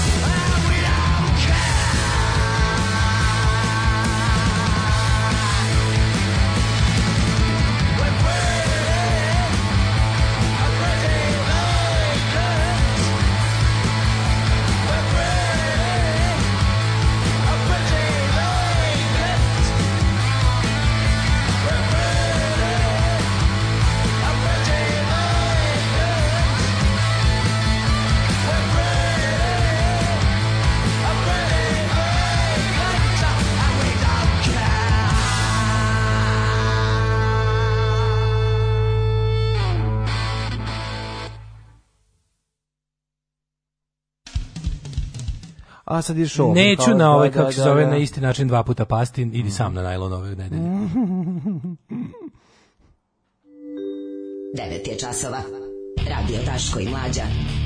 Prvi program kasno ići na najlon 10 sati, to zaboravi. Znači sledeći put ustajem u 4 i idem na najlon u 5 i dolazim već Ovde sa kupljenim đubretom da ga pohranim u našu kancelariju. Da li istina da ste harpunom pogađali ribe pravo u metu? Ja sam ovaj, ga, to ti a sad te pitaš. To, to su Milomir Marić. Mil, Milomir Marić. To Milomir Marić. Okay, okay. Daško, možda se misli na Palamar, ali nije ni to. Kaže se pustite Evala ovaj, od dečaka, dječaka. Mm -hmm. a, mlađu pravo za parangal, Daško, previše misliš za petak. -hmm. Vagina je rodnica, a vulva je stidnica. Parangal gomilodica na jednom kanapu, na metar najlonga mm -hmm. recimo. Mhm. Parangal je moštvo udica. Ove, kaže, bosanac Harpun mu se obio o tikvu. o tikvu, da, da, sanac bo. Mm, kaže, šta vidite, recimo, žabca, nema pola mozga i što se ponaša kao i pre. Mhm. Ubistvo u podvodnom ribolovu ne podleže krivičnom zakonu. To je isto pitanje. Sve se to vodi kao nesrećen slučaj. U nas u selu kad nekoga ovaj, kako se zove, neko nekog mrzi, pozove ga u lov na zubatac i žrk. I doviđenja. Ste videli, ste bacili oči na novu ambasadorsku Švedske u Beogradu, što neko reče na Twitteru, e, kakvi smo ni plavu nam nisu poslali. Koliko pa smo dobro, značeni, koliko dobro. Da. smo značeni, ni plavu šveđanku nam nisu pa dobro, verovatno, na šta, ja nekako mislim da smo mi zemlja koja se dobija po kaznima. Da onda pomislim koliko drugih zemalja ima još većih ukojebina, tako da ono, možeš ti da Možeš, možda Srbija ni ne, ne znam kako se kotira, to bi morali nekog pitati. Kad bi bilo kao, bilo lepo, bi, jako je lepo biti u Beču ili u Ljubljani ili znači kao bi biti na tim nekim mestima koje su jako dobra za život, recimo Perth. Kad bi se desilo... Ili neka, znaš, kao, postoje gradovi koji su kao niz, niz godine unazad najlepše mesta kao proglašeni po nekom Beč, Beč, Beč već 20 godina unazad uvek Pa dobro, nije pa, prvi. Ja, uvek ne, među prvim. Mađu uvek bude prvi. malo Beč, bude malo... Ne, bude Beč već bude... 20 godina zaredom. Znači, i onaj... Pa kad... A evo te čitali smo zajedno, otpad... Don't pa, stalno bude Beč. pa nije uvek prvi, nego je drugi Mađu, ili prvi. Uvek bude Beč. Smo se čudili kao tipa, opa, ne, kvalitet života bude, za neko vreme. Ne, on bude sa najvećim zelenom površinom, ali ne bude proglašen za najbolji. Bude prošle godine možda bio Beč, Beč ili ove godine bio Beč, prethode godine menja se, ali uglavnom budu ili Beč ili Ljubljana. Beč, Tokio, Okland, Novi Zeland. Be, Beč, ne Tokio, Okland, Novi Zeland. Pa da, bude ono, me, menja se, da. Beč, ali Tokio, uglavnom Oklan, budu, da, tu neka velika četvorka. Pa sad me zanima kada si... Hajduk, kada tepče. dobiješ, kada dobiješ, ovaj, kada dobiješ svoje prvo nameštenje, ona je mlada možda. Aha, koliko treba da radiš do Beča? To pitam, da obično treba... ta dobra mesta bi trebalo dobiš da pod stare pa dane. Pa recimo da ako budeš ako dobra, ako budeš dobra, promeni vlast, pa si u nemilost. Ako budeš dobra ambasadorka iz Srbije te pošalju na Gorno Karabah. A nemoj ovaj srati, nije na Gorno Karabah. Pa to ti kažem. Zajebam, Kol, koliko gorih mesta mi ima. Smo negde, mi, mi smo kao, vidi, ja kapiram da je u diplomatiji dobiti Srbiju, to ti kao i kao i mislim mi smo zemlja na sredini sveta u mm, nekom ne. Da. smislu. Znači, jest da smo sada po po stepenu demokratije odnosno sve države na svetu prešli u goru polovinu, ali u principu mi smo po standardu, po svemu, pa mi smo negde na sredini kompletnog sveta. Znači, jednako daleko je dobar život od nas koliko i umiranje od gladi. Znači, tu smo negde na sredini, tipa možeš da ne umreš od gladi, ali ti je život govno, to je sredina. Znači, prilike, da. uz puno muke imaš neki takav život koji se može proživeti to ti je naša sudbina, mi to volimo, jer mi smatramo da je rad najgora kazna i bolje je, bolje je na bilo koji način presediti život nego nešto se cimati pa imati malo više. Yeah, da, to, je da. na, to je naša filozofija životna. Ove, ovaj, e, pa onda ovako, njima je san da dobio Kopenhagen. Schopenhagen. Srbija je poznata i kao shithole countries. Jeste to, znaš da nije diplomatima ima shithole countries. Ima tri, ono, u američkoj diplomatima ima shithole countries, ima ono, ima ono kao dete baš uzrlo. Mm. Mi smo, mi smo shithole countries. Uh, kad bi bila situacija da moraš da glasaš ili Vučić ili Boško Obradović, za koga biste glasali? Ja bih glasao za Vučića. Da, da, ja. Ja bih glasao za Vučića, da, to sam rekao hiljadu puta. Nažalost, da. To sam glasao, gledao, ja, to, sam glasao hiljadu puta. To, to sam rekao hiljadu puta kada bi bio izbor, mm. kada bi se mm. desilo, zato što znam da uvek može gore mm. i kad mm. kažem da je ovo apsolutno najgore što je, znaš kad kaže Homer Simpson Bartu, kaže, tata, ovo je najgori dan u mom životu, kaže, ovo je najgori dan u tvom životu za sad.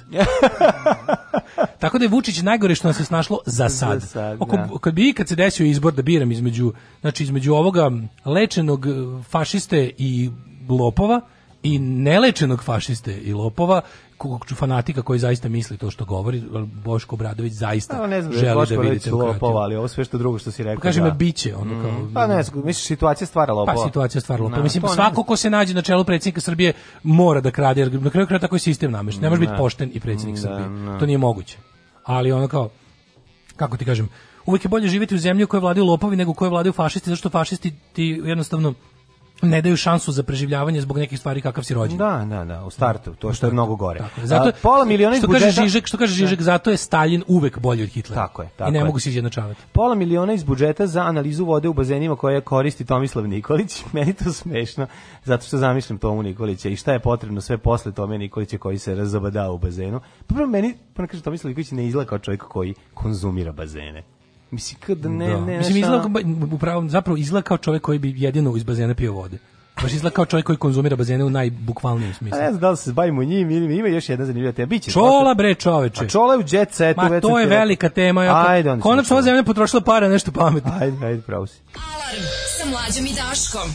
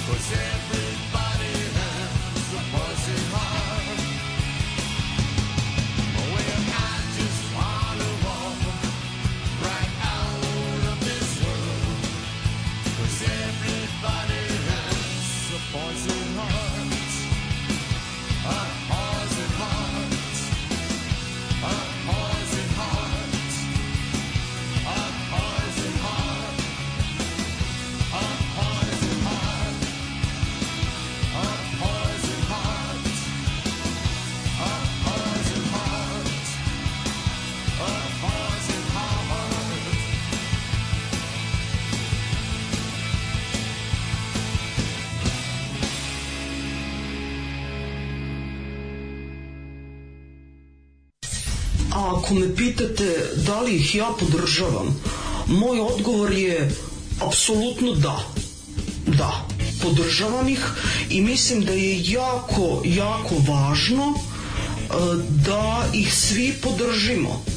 I molim vas, donirajte vašu podršku, ulažite u Daška i u Mađu i svima će nam biti mnogo bolje. Ja vam garantujem. Alarm svakog radnog jutra od 7 do 10. Od 7.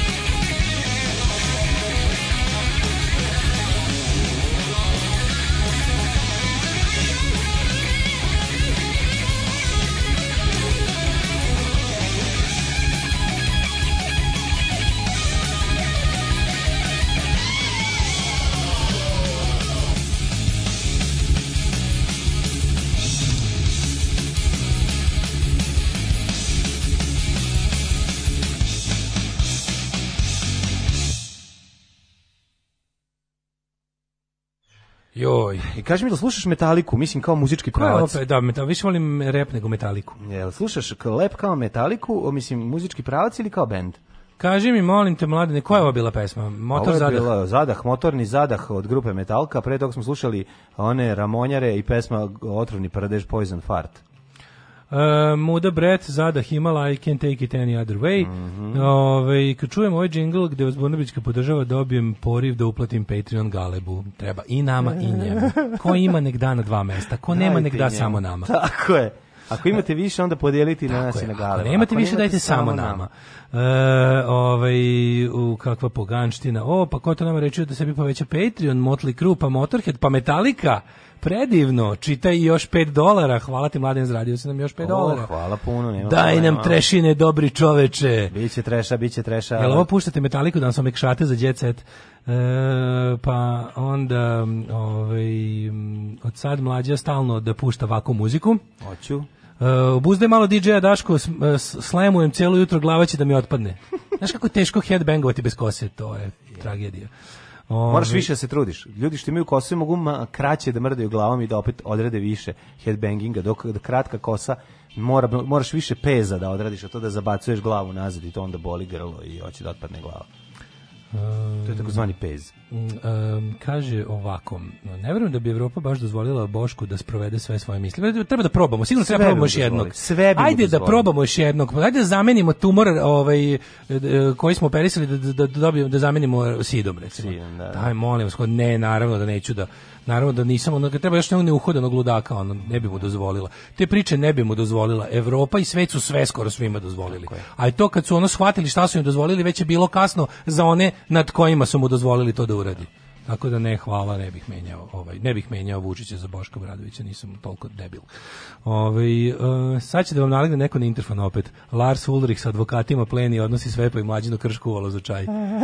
Da, oni su čoveče šupčine, oni ne, de, oni, da, oni bi da, su da. metalika bi sad ovde cvilila i rekla oštetili te nas za 97 centi, to su moje da. pare, taj ko mi povećao Patreon za 5 dolara, treba da meni to da uplati. Ne mogu da uplatim, če, če, ne mogu kupim novih 20 automobila, to je baš tako. Vode u mom šestom bazenu u kući koja nikad ne ide mi opala za stepen zbog ovoga. Ali ti znaš da on ovaj, ima album sa sličicama istorije automobila, ali uživo otvori i uđe, uđe u svaki taj automobil koji je kupio. Uf. Znaš da on sakuplja automobile. Sakuplja Jesam dobro? automobile. Jesam to, pa da, kako, volim kada, kako volim Bill Mara kad kaže ono kao, ja. Da. zašto, kao, zašto meni ovaj, ja nemam kao... Hobi nemam debilne hobije. I don't da. do cocaine, I don't do whores and I don't I don't do kao prostitutes da. and I don't do i, i kako rekao pointless, irritating collecting of expensive stuff. Da, da. I onda kao, but my first neighbor Jay Leno does. I onda kako je bilo smešno kad, je, kad su bili za vreme ovoga, za vreme ovoga covida, kad su bili izolacije, pa je Bill Maher kao pravi da. ono iz dvorišta svoje, pa bilo stvarno jako smešno što mu kroz ogradu pomirili su jednu onako da, dasku na ogradi i dolazi mu stalno ne dolazi stalno kroz, kroz da. živu ogradu i tu se provlači Jay Leno i kao nešto dođe pa pričaju to je bilo stvarno jako dobro no, da, što je dobro kad viš dva milionera se lepo zajebavaju to je baš onako topla ljudska priča to su potpuno druge ljudske priče Ove, ne znam, meni to se kupiti, mislim, ja bi se kupio automobile, ali nam otpali. Da. Ove, emitujete malo mržnje za puf. Kad čujem te debile njihove duhovite uretke, hvatam ljudi, se za barijak s Vučićevom slikom i idem na miting ljudi, SNS. Isto, ljudi, isto, ljudi, isto. Meni, meni to toliko smrdi već, ono, da to meni to toliko loše. To da je da tako ja, sve jadno. Ne, ne, ja ne... Ali, ja, mater, ja i to stavljam Vučiću na račun. Ja znači, mislim. Ja to sve stavljam njemu na račun. Ne, ne, ne, to on je ovdje, on je sve ubio, ubio je humor, opozicioni humor je dno humora. Ma ne radi se o opoziciji. Opozici humor je dno humora. Meni to znači- izgleda znači... kao da iz kuhinje sns izvinjam se. Misliš ja da ne... da tako jadno ne može da bude nešto? jadno, brate, ko to može? Ali dobro nešto... prejedno je. Mi smo to rekli, no, mislim, rekli smo na četiri puta do sada. Žao, jebote, mi tih ljudi žao. Ali najgore je bilo ono kad su u Jagodini nešto imali neki Sve je matori pre. A šta im je bilo dobro? Kao, šta je bilo da kažeš, e, ovo je smešno? Pa, dobro, ništa. Nije bilo ništa smešno, ali nisu, nije bilo toliko eksploatisan. Ne bila pa je... pa di eksploatisan, što se to prdež u šumi. Ja znam. Znači to su stvari koje vidite Twitter. Sve, sve. Na svu sreću vidi samo Twitter. Sve toliko pa, ne. Pa znači taj žanr opozicione Twitter patetike. Mate, koliko to znači žanr opozicione Twitter patetike. Juče ide zamenik nekog tamo lokalni neki funkcioner Đilasove mrtve stranke ono je bio u mesari i radnica mu rekla molim vas skinite naprednjake jer ne možemo ono kao, i onda on kao i onda on video da u, na, da u prodavnici svi ljudi su protiv Vučića i zaključio ono čuveno tvitereško ima nade Maturi, po, i počelo je. Kao, znaš, ono, kao, molim te, ono, gde je prodavnica u kojoj prepoznaju ono nižeg funkcionera stranke na izdisaju? Prepo... I traže, i traže gde, ono, mes, mesar, mesija iz mesare, tako bih nazvao tu epizodu. ga, zato što traži. Tako bih ono, nazvao tu epizodu. Ono, iz budžeta Srbije će, pre, pored 4000 evra mesečno ovaj za održavanje vile koju koristi bivši predsjednik Tomislav Nikolić, to mi je genijal, bit izdvojeno i 500.000 dinara za provjeru ispravnosti vode u bazenima. Ja mislim stvarno... Ale, ale, kako... neće nam se Toma kupati u bari. Da, kako piše za Blic, u zatvorenim i otvorenom bazenu koje koriste Nikolići svake nedelje se kontroliše mikrobiološka ispravnost vode i meri. Jel to zato što Toma u godinama popusti dizna? A misliš kad da? uđe u to, da. a? Kad nje, nije problem bio kada sam da. no. se ovaj... Prošli su mi je šerihiju, kao pra, napravio pena par ja sebi. Sam, ovaj, šta je bilo pa? Ja sam hmm? se usrao u bazenu. Znači, Jednom mesečno obavlja pisalo, šta je bilo prvo? Fizičko-hemijska analiza. Bio je znak zabranjeno da mokrenje u bazen. Ali Os... nije pisalo zabranjeno da kažem kenjanje u bazen. Dakle, osim ovih čestih analiza predviđena je mogućnost vanredne kontrole bazenske vode, a usluga je definisana planom javnih nabavki za ovu godinu. Dakle, bazenđija dolazi kod... Izvini, ovo je početak Mislim, ovo je početak, ovo je početak i, i početak pornića. Ako ćemo realno. A jebem ti živo, šta si mi sad... A je, vidi šta sad ti kažem, ulazi čovjek... Šta se ja sad zamislim? Ti znaš gdje mi zapačenu maštu i sad pa mislim, znaš kako sam meni teško, tako je, tako je. Toma sedi... Toma zauzet pečenjem 16. ovog, ovog kazana rakije. Toma sa onim svojim krudom, ono... Da, pomagačem. A nije on... taj pomagač mu na selu, nema ga ono... A pa, ja sam zamislio to u bazenu, mislim, pored bazena on vidi lepo šta se dešava, a taj mladi preplanuri bazenđija Mislim, Toma koristi bazen kao tabarku. Razumeš, da. to je meni ono. Odatle zavat drugi. da ladi. Da, da ladi, da ladi. pa da, da ladi. Jo, majko Božja. Zašto smo sad to pričali? Što njega treba oterati odatle? Mislim, pa treba ga oterati, ali, to, to je duplo, vidi, Vučić ima duplu korist. Pod ne. jedan, podmiruje ovog... Ne. Pa to ga podmiruje da ovaj... A pod dva pokazuje da. svima, eto, može mi se. Da, znači, da, kako je da. Vučiću važno, to je ono što stoti put ponavljam, jako je važno da, da, da onaj ko piše pravila da ih ne poštuje jer na taj način se osjeća moć, moćno. Mm. Propišemo striktna pravila koje važe za sve, osim za mene koji sam propisao pravila. Ja za mene važi. I onda lepo time nama pokazuje koliko ga boli dupe za zakon protokol. Spravnost vode proveravaće se i u otvorenim bazenima u vilama Bokeljka na bulevaru Aleksandra Karadžića koji koristi premijerka e, to je najvažnije. ali znatno ređe nego u vili Užičkoj. Pa dobro, i, i, i, i Dragica... Je, i se to... znatno ređe kupa od mačkice ali Ane Brnabić. Pa ne, ali su godim, ali za znatno re, ređe Ajde samo da zamislimo mačkicu Ane Brnabić kako se kupa na bazenu, malo da, malo da opere mozak. Ajde. Znači, hvala te do pa prvo mentalno. A dolazi Ana koja ne, proverava Ne, Ana nema u kadru. Dolazi Ana radi. Ane je muž koja je otišla na posao. A proverava ispravnost vode. Ana je otišla na posao. Ona Dobre. Da, radi da. za sve nas. Mi samo sad zamišljamo njenu mačkicu da kod bazena. Tako je. Znači, i da sad treba mi... Ide uvodna špica black.com. Ne, idem pućiš muziku.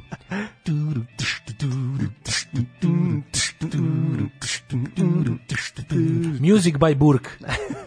burke, burke. Hoćemo da vidimo gde se još troše naše pare, mladene. Hoćemo. merak mu je na račun građana. Jo, ajde, kenjete po čoli. Što kenjete po čoli? Ne, ne, ja ne mogu da verujem da se kurir odlučio na ovo. Zato što čola neće. neće. Čolu se ne ide. Tražio puno para da se poje na nešto, angara. Ono, pa ljudi na čolu se negde ne ide. Zdravko Čolić je upi, uh, uputom svog lekara redovno posjećivao jednu državnu bolnicu gde je koristio hiperbaričnu komoru čija cena na tretmanu ako pacijent ne šalje doktor između 9 i 10 hiljada dinara. Dakle, što hiperbarična komora? Hiperbarična komora za sa ovaj znači, Čorović u godinu mi mogu malo da ode u hiperbaričku. Sve bila naša drugarica, da. ovaj zbog išla je zbog jedne stvari, a, a dobro je bilo jer imala neku ranu koja je bolje zarasla. Mnogo mnogo znači, je za nešto da, sasvim da. deseto. Čekaj, kiseonik ubrzava. Kiseonik hiperbarični, da. Ono što te ubija te i leči. To je pa to ti je tako jednostavno, mislim. Svaki život može, ubija, moj svaki prijatelj. Svaki lek može biti otrov. Tako je, život ubija. Niko nije, um, svi su umrli od života i posljedica života. Zdravko Čoli 70 cm čini sve da ostane u dobroj formi i da izgleda mladoliku u osmoj deceni života. To mu prolazi za rukom zahvaljujući hiperbaričnoj komori u koju odlazi često kako bi osvežio glasne žice, sačuvao pluća tokom pandemije virusa, a i zbog lepšeg tena. Fuck yeah.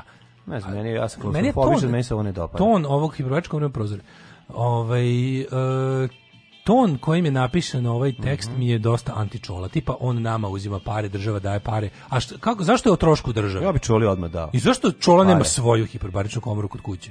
A ne, zašto koristi. To je poraz nas kao društva. A zato što ne zato Ja što... to vidim kao poraz nas kao društva. Čola je za čola bi morao da ima hiperbaričnu komru, helikopter, privatni avion, 20 automobila i kuću u, u, u kojoj je pojedine prostorije nije nikad ni vidio. I magnet veći od Bregovića, da gde zaustavi ovaj Ne, nego nego ne mora da, da plaća, država ga je razrešila. Tako je.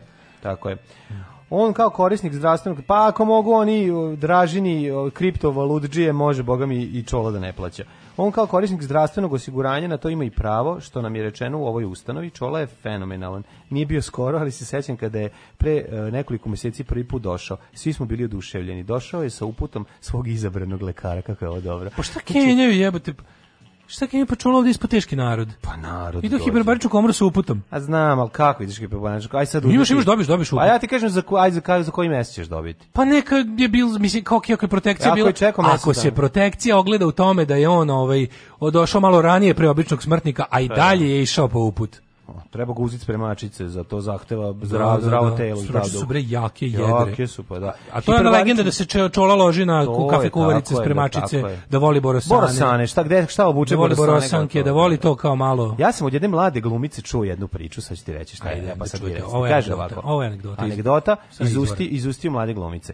Jedna mlada glumica je na istoj već, gala večeri da, ove, ovaj, i ponuđeno je da se upozna sa čolom, na što ona rekla, aj više taj odsvali frajerizam tu na školu. Stalno ih je jedna starija osoba na govorila, ajde čuo mi čuo, doista poznaš čuo. Dobro, kao ne palim Ja kao, ja, ajde bre, ono više, ono kao šta me s dedom upoznaš, kaže, i kad je došla i pružila ruke, kad je ovaj rekao, zdravko, fljus kaže gotovo, gotovo. Skliznuo se Čuo se baš, kaže da Skliznuo da pa. se stolice. Kaže čola i dalje ima. Verovatno zahvaljujući hiperbaričnoj komori. A, hiperbarična komora. Ima taj neki ono nešto posebno. Ne znam, znači, ne čo, zamisli, ja sad zamislio čolu koji dođe u dom zdravlja, čeka pet minuta sa ostalima dok baba uđe samo nešto pita mm. i onda on ovaj kako se zove kaže Pozdrav Raja, ja bi da. išao malo pod mladice, kaže, pišem uput za jodnu banju. Ne, on sedne pored babi kaže, šta će vama, Havarčka, ovo izgledate odlično. A baba, on baca, a baba isto, gotovo. baba fljusne sa stolice. Baba pljusne sa stolice, kaže, ja da, nisam da, znao. Baba ode po čašu vode ja prolije da ja, po stolici. Ja sam mislio da ja tečete organizujem još samo po kolenima.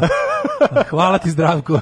Stvarno si zdravko zdravlje donosiš. Pazi, garam baci neki dobar fazon. Ne, ne, pazi, ja, ja, ja moram priznati, ja, ja ne podnosim pesme Zdravka Čolića, to stvarno, ali, ali mi... Ajne, ne, sedi ne se da ne... volim, jebi ga šta da, ne volim ne, ni jednu pesmu Zdravka Čolića. Čarije, šukarije, moniture, karamande, galije. Te gde lupeta. Alal ti plajvaz, alal ti da. palvaz, gdje će da žuka da, varavarije. Da. da, da, da. A, aj, aj, šugarije, čukarije, api dude, babavange. Da, babavange, babavange. A ja zamislim api dude, babavange. Znaš kako ono, sisa slepo baba babu ono. Da, da, da. da i Api Dude Baba Vange i ostalo, ovaj mrzim, te mrnđir e, pranđir pročvale šljive, ono, mrzim svaku albume. pesmu. To su Bregovićeve stvari. Da, da, da naravno i Balaševićeve. Pa, da. Mrzim svaku pesmu Zdravka Čolića da. i volim Zdravka Čolića. I ono što je, ono što je eto, eto da ti tako kažeš. Ti kakav on je kod BCS a pa da snimao onaj spot je u tunela skupoća.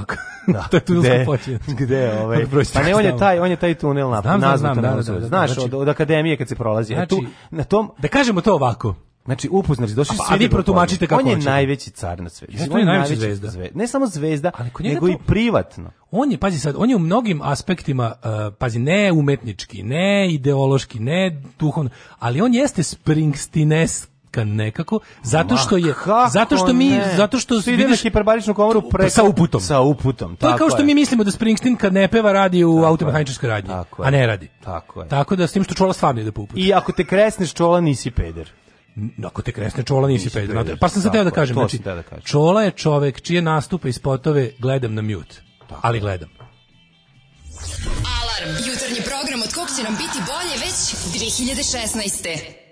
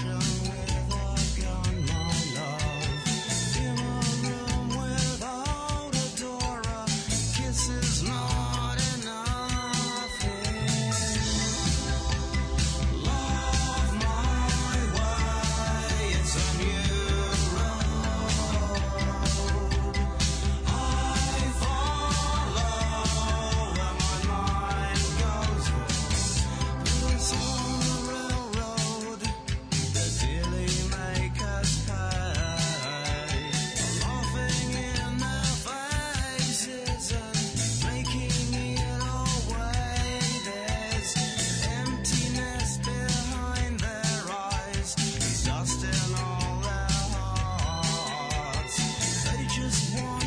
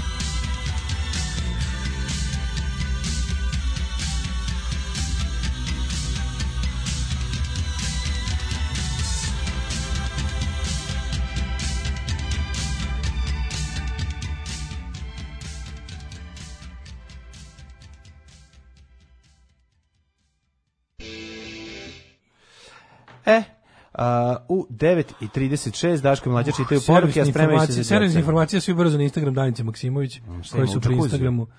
Danica Maksimović. Znači, ovo je stvarno... Ako bi neka žena mogla da igra Boškići u Keju, to bi bilo samo... Pa to morate da sredite. A ne znam. A šta, neće, pitali ste? Ne, nismo, a nismo. A nemate mu da pitate? A, ne, ne, ovo, ne imamo mi mu da pitamo, ja frazi, nego ja ne želimo da pokazujemo likove tih naj, najbližih ovaj, rođaka. Pa bio je Boškićev Čale.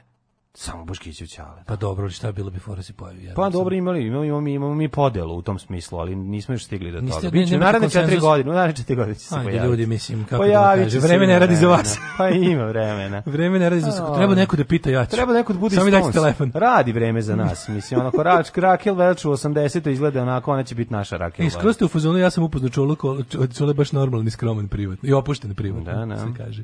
Ovaj Ana Brnabić izgleda kao neko ko greje bazen bazen šerpom vrele vode. Da, jeste, jeste, ima taj. Da, da, da. Jeste li pomislili nekad da su Đilas i Vučić u ovom zajedno? Pa svaki drugi dan. Znači svaki drugi dan to pomislim. Onda mislim, stalno mislim i ono kao ping pong idu od... Nemoguće, niko ne bi to trpeo, ma kakva god je nameštaljka, opet s druge strane. Pa, nešto morate da razumete, ne. ljudi.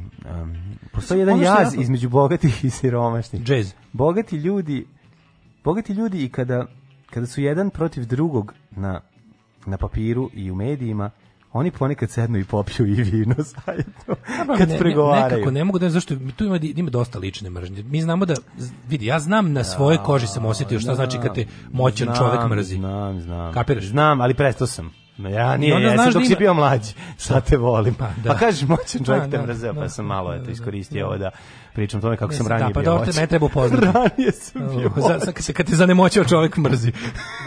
Sad te zanemoćio čovjek mrzi. Kad te zanemoćio. A znate kako kad vas zanemoćio čovjek voli? To vam je gore nego da vas zamoćen čovjek mrzi. Vi ne znate, ja sam njega te dubijem da kad je bio mlađi, a sad ga volim. Zato što je puno bolji kako je stariji. On je puno bolji kako je stariji, on više uopšte nije irritantan kao kad je bio mlađi. Nije, ja sam uvijek isti. Ne, ma kako ti nemaš pojma. Ti nemaš pojma. Pa evo pitaj ostale ljudi koji stali da te spale ovaj pre 20 godina. Ne, dalje se Spale.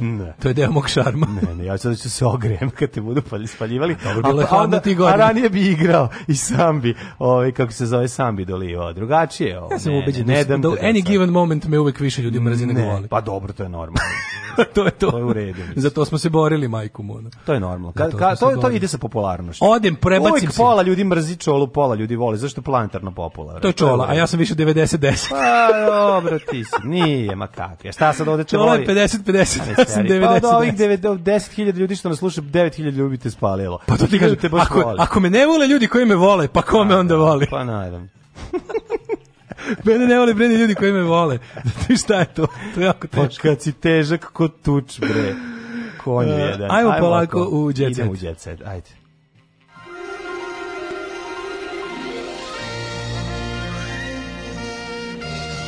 Jet set. Jet set. Jet set. E, sad čitamo da. ceo ovaj isti tekst o Čoli, ali sa, iz djeceta, kao potpuno drugačije. Imam ja, slušaj ovo, ovaj, slušaj. Da. Isplivali novi detalji afere. Aca, Luk, Aca Lukas veliki jebač. Šiu. Aci je Marijana bila igračka za jednu noć. E, pa da, toliko je može sad. Toliko je može. Naravno dve godine umreti Aca Lukas tokom jednog lepog noćnog druženja. Misliš druženja sa prijateljicom? Ja to skroz mogu zamislim. Pa Pazi, pa, pa on je kokain Viagra ekipa. Mm, mislim bez Viagre. Ma šta bez Viagre bre? Ma kako? Ma ko je bre, de, to, to ne bi digo ni dinamitom. Nema, ne može on, ti ne sas njegovi nastupi, stiž, staje, traju do pet ujutro, on ne jebe. Pa, pa ko će da jebe, mora da uzme pa nešto. A neće da jebe više. Neću, neću, on neće da jebe. Njemu se da, da, ja sam gledao ono kako on jebe na klavijaturi kada ono radi. Ne, ne, ne, ne, ne, ne, to je to, to je to. Izjebe klavijaturu. Izjebe klavijaturu od kuće. Pa da, šta ka molimo. Folk pevač hteo je samo da se zabavi star sa starletom. Bio je galantan, ali nije želeo nešto zbiljnije. Ju nije lepo, ali što je Zonjićevu posebno iznerviralo, pa je razvezala jezik u susretu s njim. Jer bilo mu drti je Londrija. Šta je radio? Čekaj, čekaj, idemo, kaže. On te odvede kući i mm -hmm. odsvirati za Terezu Orlovski na videu. Odsvirati malo noćnu muziku. Šta Noć su proveli u njegovom stanu. Njoj se dopao njegov luksuz. prestani stani. Ubi me, ubi me, da. sad ne mogu da Njegovo slušam. galantno ponašanje. Uh, Nar, naruč, se dopao. Naručio je večer za njih dvoje koju su im dostavili. Oca Lukas je imao za dostavu. Oca Lukas ono, i onda kasnije rekao da ćeš nešto slatko, da, on kaže zove multitarte. kaže, mala, mala bire, hoćeš alzašku, hoćeš. Šta ćeš od premaza? Ona rekla, pa ja bi Pavlaku i pečenu, majonez, može, i pečena, može pečena paprika. A, a na to, na to Oca Lukas kaže, uzmi premaze koji se doplaćaju. A ova gotova. Ona kaže, Uš, ona gotova. Ja sam upravo jebana. Ja sam upravo. Što se mene tiče, ja sam jebana. jebana. A sad možemo i pečenu papriku. takozvanu pečenu papriku. A, a, ne, ne, slušaj, ona kaže pečenu Aco, papriku. Lukaše. Aca Lukaš se okrene kaže pečenu papriku, zove svoju dostavljačicu iz ono vražogrnaca da mu donese pečenu papriku mala palim, za tebe palim t kraljicu peći. Pečemo, da. znači palim smederevca. Ne samo to, nego palim krene pred njom da peče, krene da peče papriku pred njom. Tek ulovljenu, tek ulovljenu. Ona sam ona samo baš ubrala. Ona leži, Ajmo leži i uzdiše ona. Naručio je večeru i on celu noć je Nek čuje če... celu noć je treštala muzika. To znači ono razvalji narkoman kome tako drnda. Može zamisliti što ja tačno tu scenu mogu da zamislim. On u gaćama, da. džara onako da, da jaja da, i puštaju Ingvi Melmstina. Cepaju neki ne, tako ne neki, neki pet hit. metinji grup, da, neko đubre, da, ono nešto, neko mučenje. I onda o, neki što znaju sve akorde, ona kao tako neki ono. Ne, ne, ne, pušta neki što on što on sluša u mladosti. A to tako tog nekog ona. Jean-Michel Jara. Ova kralja. Ova ova u rozom ono donjem vešu mm -hmm. nešto tu ono šmrče sa sa staklenog astala mm. i onda jesi gledam i onda je ovaj i onda i onda zovu glovo mm -hmm. i onda ova dovi donesu nešto iz glova ovo ne može da veruje čoveče o tome mhm. maštala ceo život da pa teleću glovo ceo ceo život maštala da ima kuću na kojoj će nešto doneti da I onda kad onda da ima šta da donese. Zvala je, ali imala adresu. Ja nisam mogla da naručim, ne zato nisam imala pare, nisam imala adresu. I onda kao znači tako i onda tu tako nešto on pada, on naliva da. se još i onda jednom samo trenutku tako zaspi. Padne preko ovako, nje. Pa, na, ne, preko nje, on je pored, on je na onom, da, on je da, na da. trosedu, ali licem dole, onako. Tako. Jedna noga gore na naslonu da, da, i tako, tako, brrr, tako. prdi spava.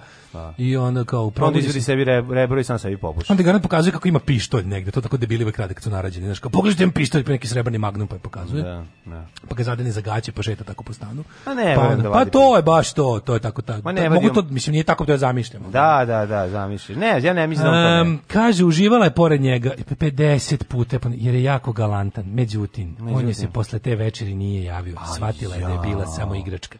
Odlučila da ispriča sve medijima samo je želeo malo nežnosti. E, ja, on je, onda išta pričaju. Znaš, rekao Nikad me tata nije voleo. A znam, ako onda tu Pravio je, klavijature... ako je razgovara. Pa, Pravio klavijature starijem bratu, meni je, nije pravi. Išlo posle nekog futbolera. Pravio synthesizera. A posle pozvala dva futbolera ono da dođu. A nije. Ma, de nije. Ma kakvi, bre. Ove, ovaj, Marijana je mislila da je uspela da ga zavede, međutim njemu to veče ništa zapravo nije značilo. Čekaj, čekaj, čekaj. Kaže, Ove, ovaj, nije ona njegov nivo Pa matori jazavac bez oka sa razvaljenim čmarom nije, je njegov nivo. Znači, onako nije njegov nivo, No. Ja sam celu noć ostala kod Lukasa, imali smo odnose. E, imali su odnose. Imali su odnose. Kakve? Su bile Pevali tri, trilateralne. Smo, smo, bilo je prelepo.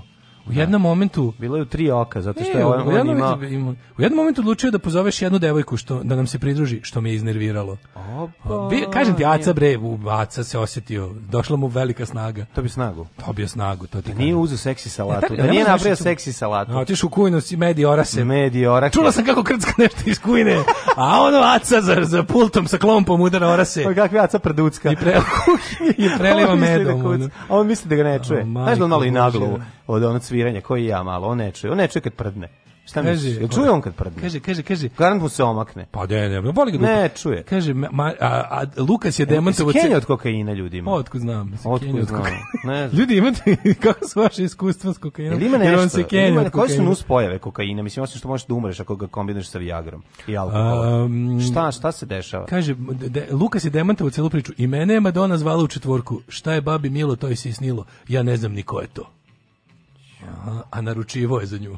Čekaj, čekaj, Madonna ga je zvala. Ne, to je kao to bi on voleo, a nije se desilo, to on kao kapiraš. Kao to nije bilo. Ne, ne, baba ovaj sve izmislio. A, Madonna. Madonu a. Da. hoće, u majku moja. Ba, pa da, da, da.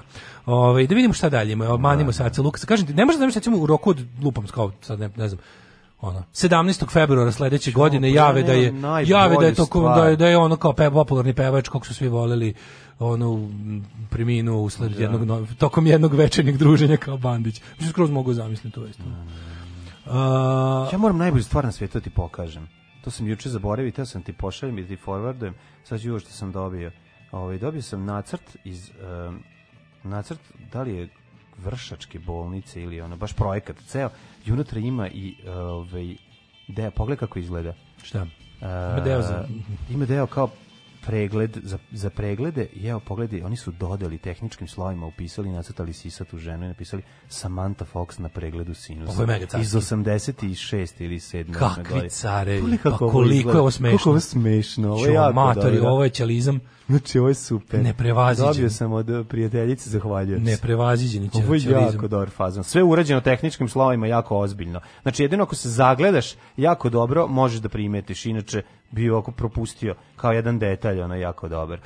Tako da, Daško uopšte video kako izgleda ova Marijana Zonjić po Daškovom je okusu, pa verujem da jeste. Da. Pa dobro, ali ne bi bilo. Dobro, znači, znate, vidio se na čovjek pličak, meni to sve, meni to sve lepo. Ljudi, morate shvatiti jednu drugu stvar kod Aca Lukasa. Aca Lukas svoje koncerte počinju u 2 ujutru. Da. Aca Lukas ode prvo, znači tezbe, Aca prvo, prvo Aca, Aca Lukas je pretplaćen. Mislim, on, on, je, on je... U plusu. Nije, nije u plusu. Ne, on, čak, on, on ode, odvedu ga negde, on tamo karta pičite svoje ono glumilemija one arm bandit ili šta radi ono da, da, da. Neke, karta šaha i onda njega do, on njega pokupe kao on izađe na binu, binu. Neko to on je isto u tom položaju jer je udar veća manja da, da, samo ga tako nastavi, isto prikače na nastavi na ovaj, kao Peugeot da Peugeot ga nabaci na klavijature gornje ima, donje ima šape da. kao Peugeot lav i samo ga prebaci na taj set on od 2 do 5 on kreće taj svoj teh taj džihad tu masa haos gotovo to je od 2 do 5 užas ludilo to je ono grotlo to je baš on ono Što bi rekli mladi gori. Ma gori, grmi, brate, gori, grmi, gori, gori troši dim i ide, brate, znači ono To ti kaže, pa da. I to je ta kidelica, on kruva te svoje dobro, pa kidelice. Dobro, ne radi on svaki dan, ovo je bilo jedno večer kad je poželao malo ljubavi i nežnosti. Pa dobro, ali ću ti kažem pet Sa dve si sad te plavuš. Pa dobro, da. Mislim, to, dobro, tu ga razumem, ali, ovaj, ali dalje me gubi. Mm. Negativna sam na koronu i pozitivna na ljubav. Ću.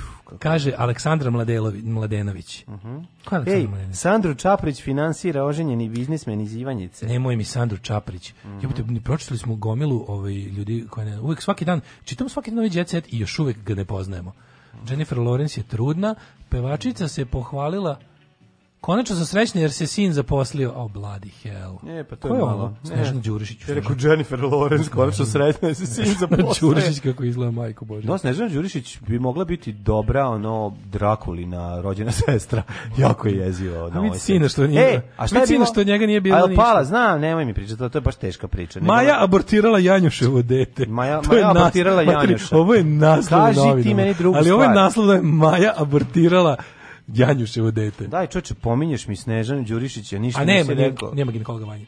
Raskid pao prate u tekstu ga nema. Samo o sinu problemu koji je naša posa. Izgleda da ginekolog Vanja nije mogao da, ovaj, da istrpi tu. Taj, taj. Izgleda, ljudi, da-, da. ljudi, ljudi, vikend. Pek, petak. Da vam kažem, idem da budem bolestan ceo vikend i da u ponedjeljak dođem da vam se opet ovdje nadrndoljavam. E, Patreon.com kroz Daško i Mlađa. Podignemo Patreon, obnovimo Patreon. Patreoni su centar naše duhovnosti, yes. ali još više centar naše doručkosti, ručkosti i večernosti. Ljudi, znate li pošto e, biftek? Znate li pošto biftek? Znate, ono, treba... Sledeće, PayPal takođe, volimo ga jednako kao i ovo. A tu je i uvek popularni OTP račun. Svi su dragi, pa navalite. kada hvala što nas podržavate. Kad nas vidite na ulici, možete se možemo se zagrliti, a vi kao baba nam ubacite u zadnji džep, džep, u zadnji džep i blago nas udarite po guzi. I kaže vidimo se. Vidimo se ako budete oni striko. Ajde, ajde, ajde, ajde, ajde, ajde, ajde, ajde, ajde.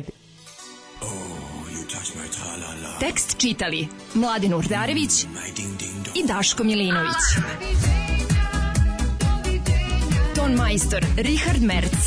Realizacija Slavko Tatić. Urednik programa za mlade Donka Špiček. Alarms svakog radnog jutra od 7 do 10. Oh, you touch my trala.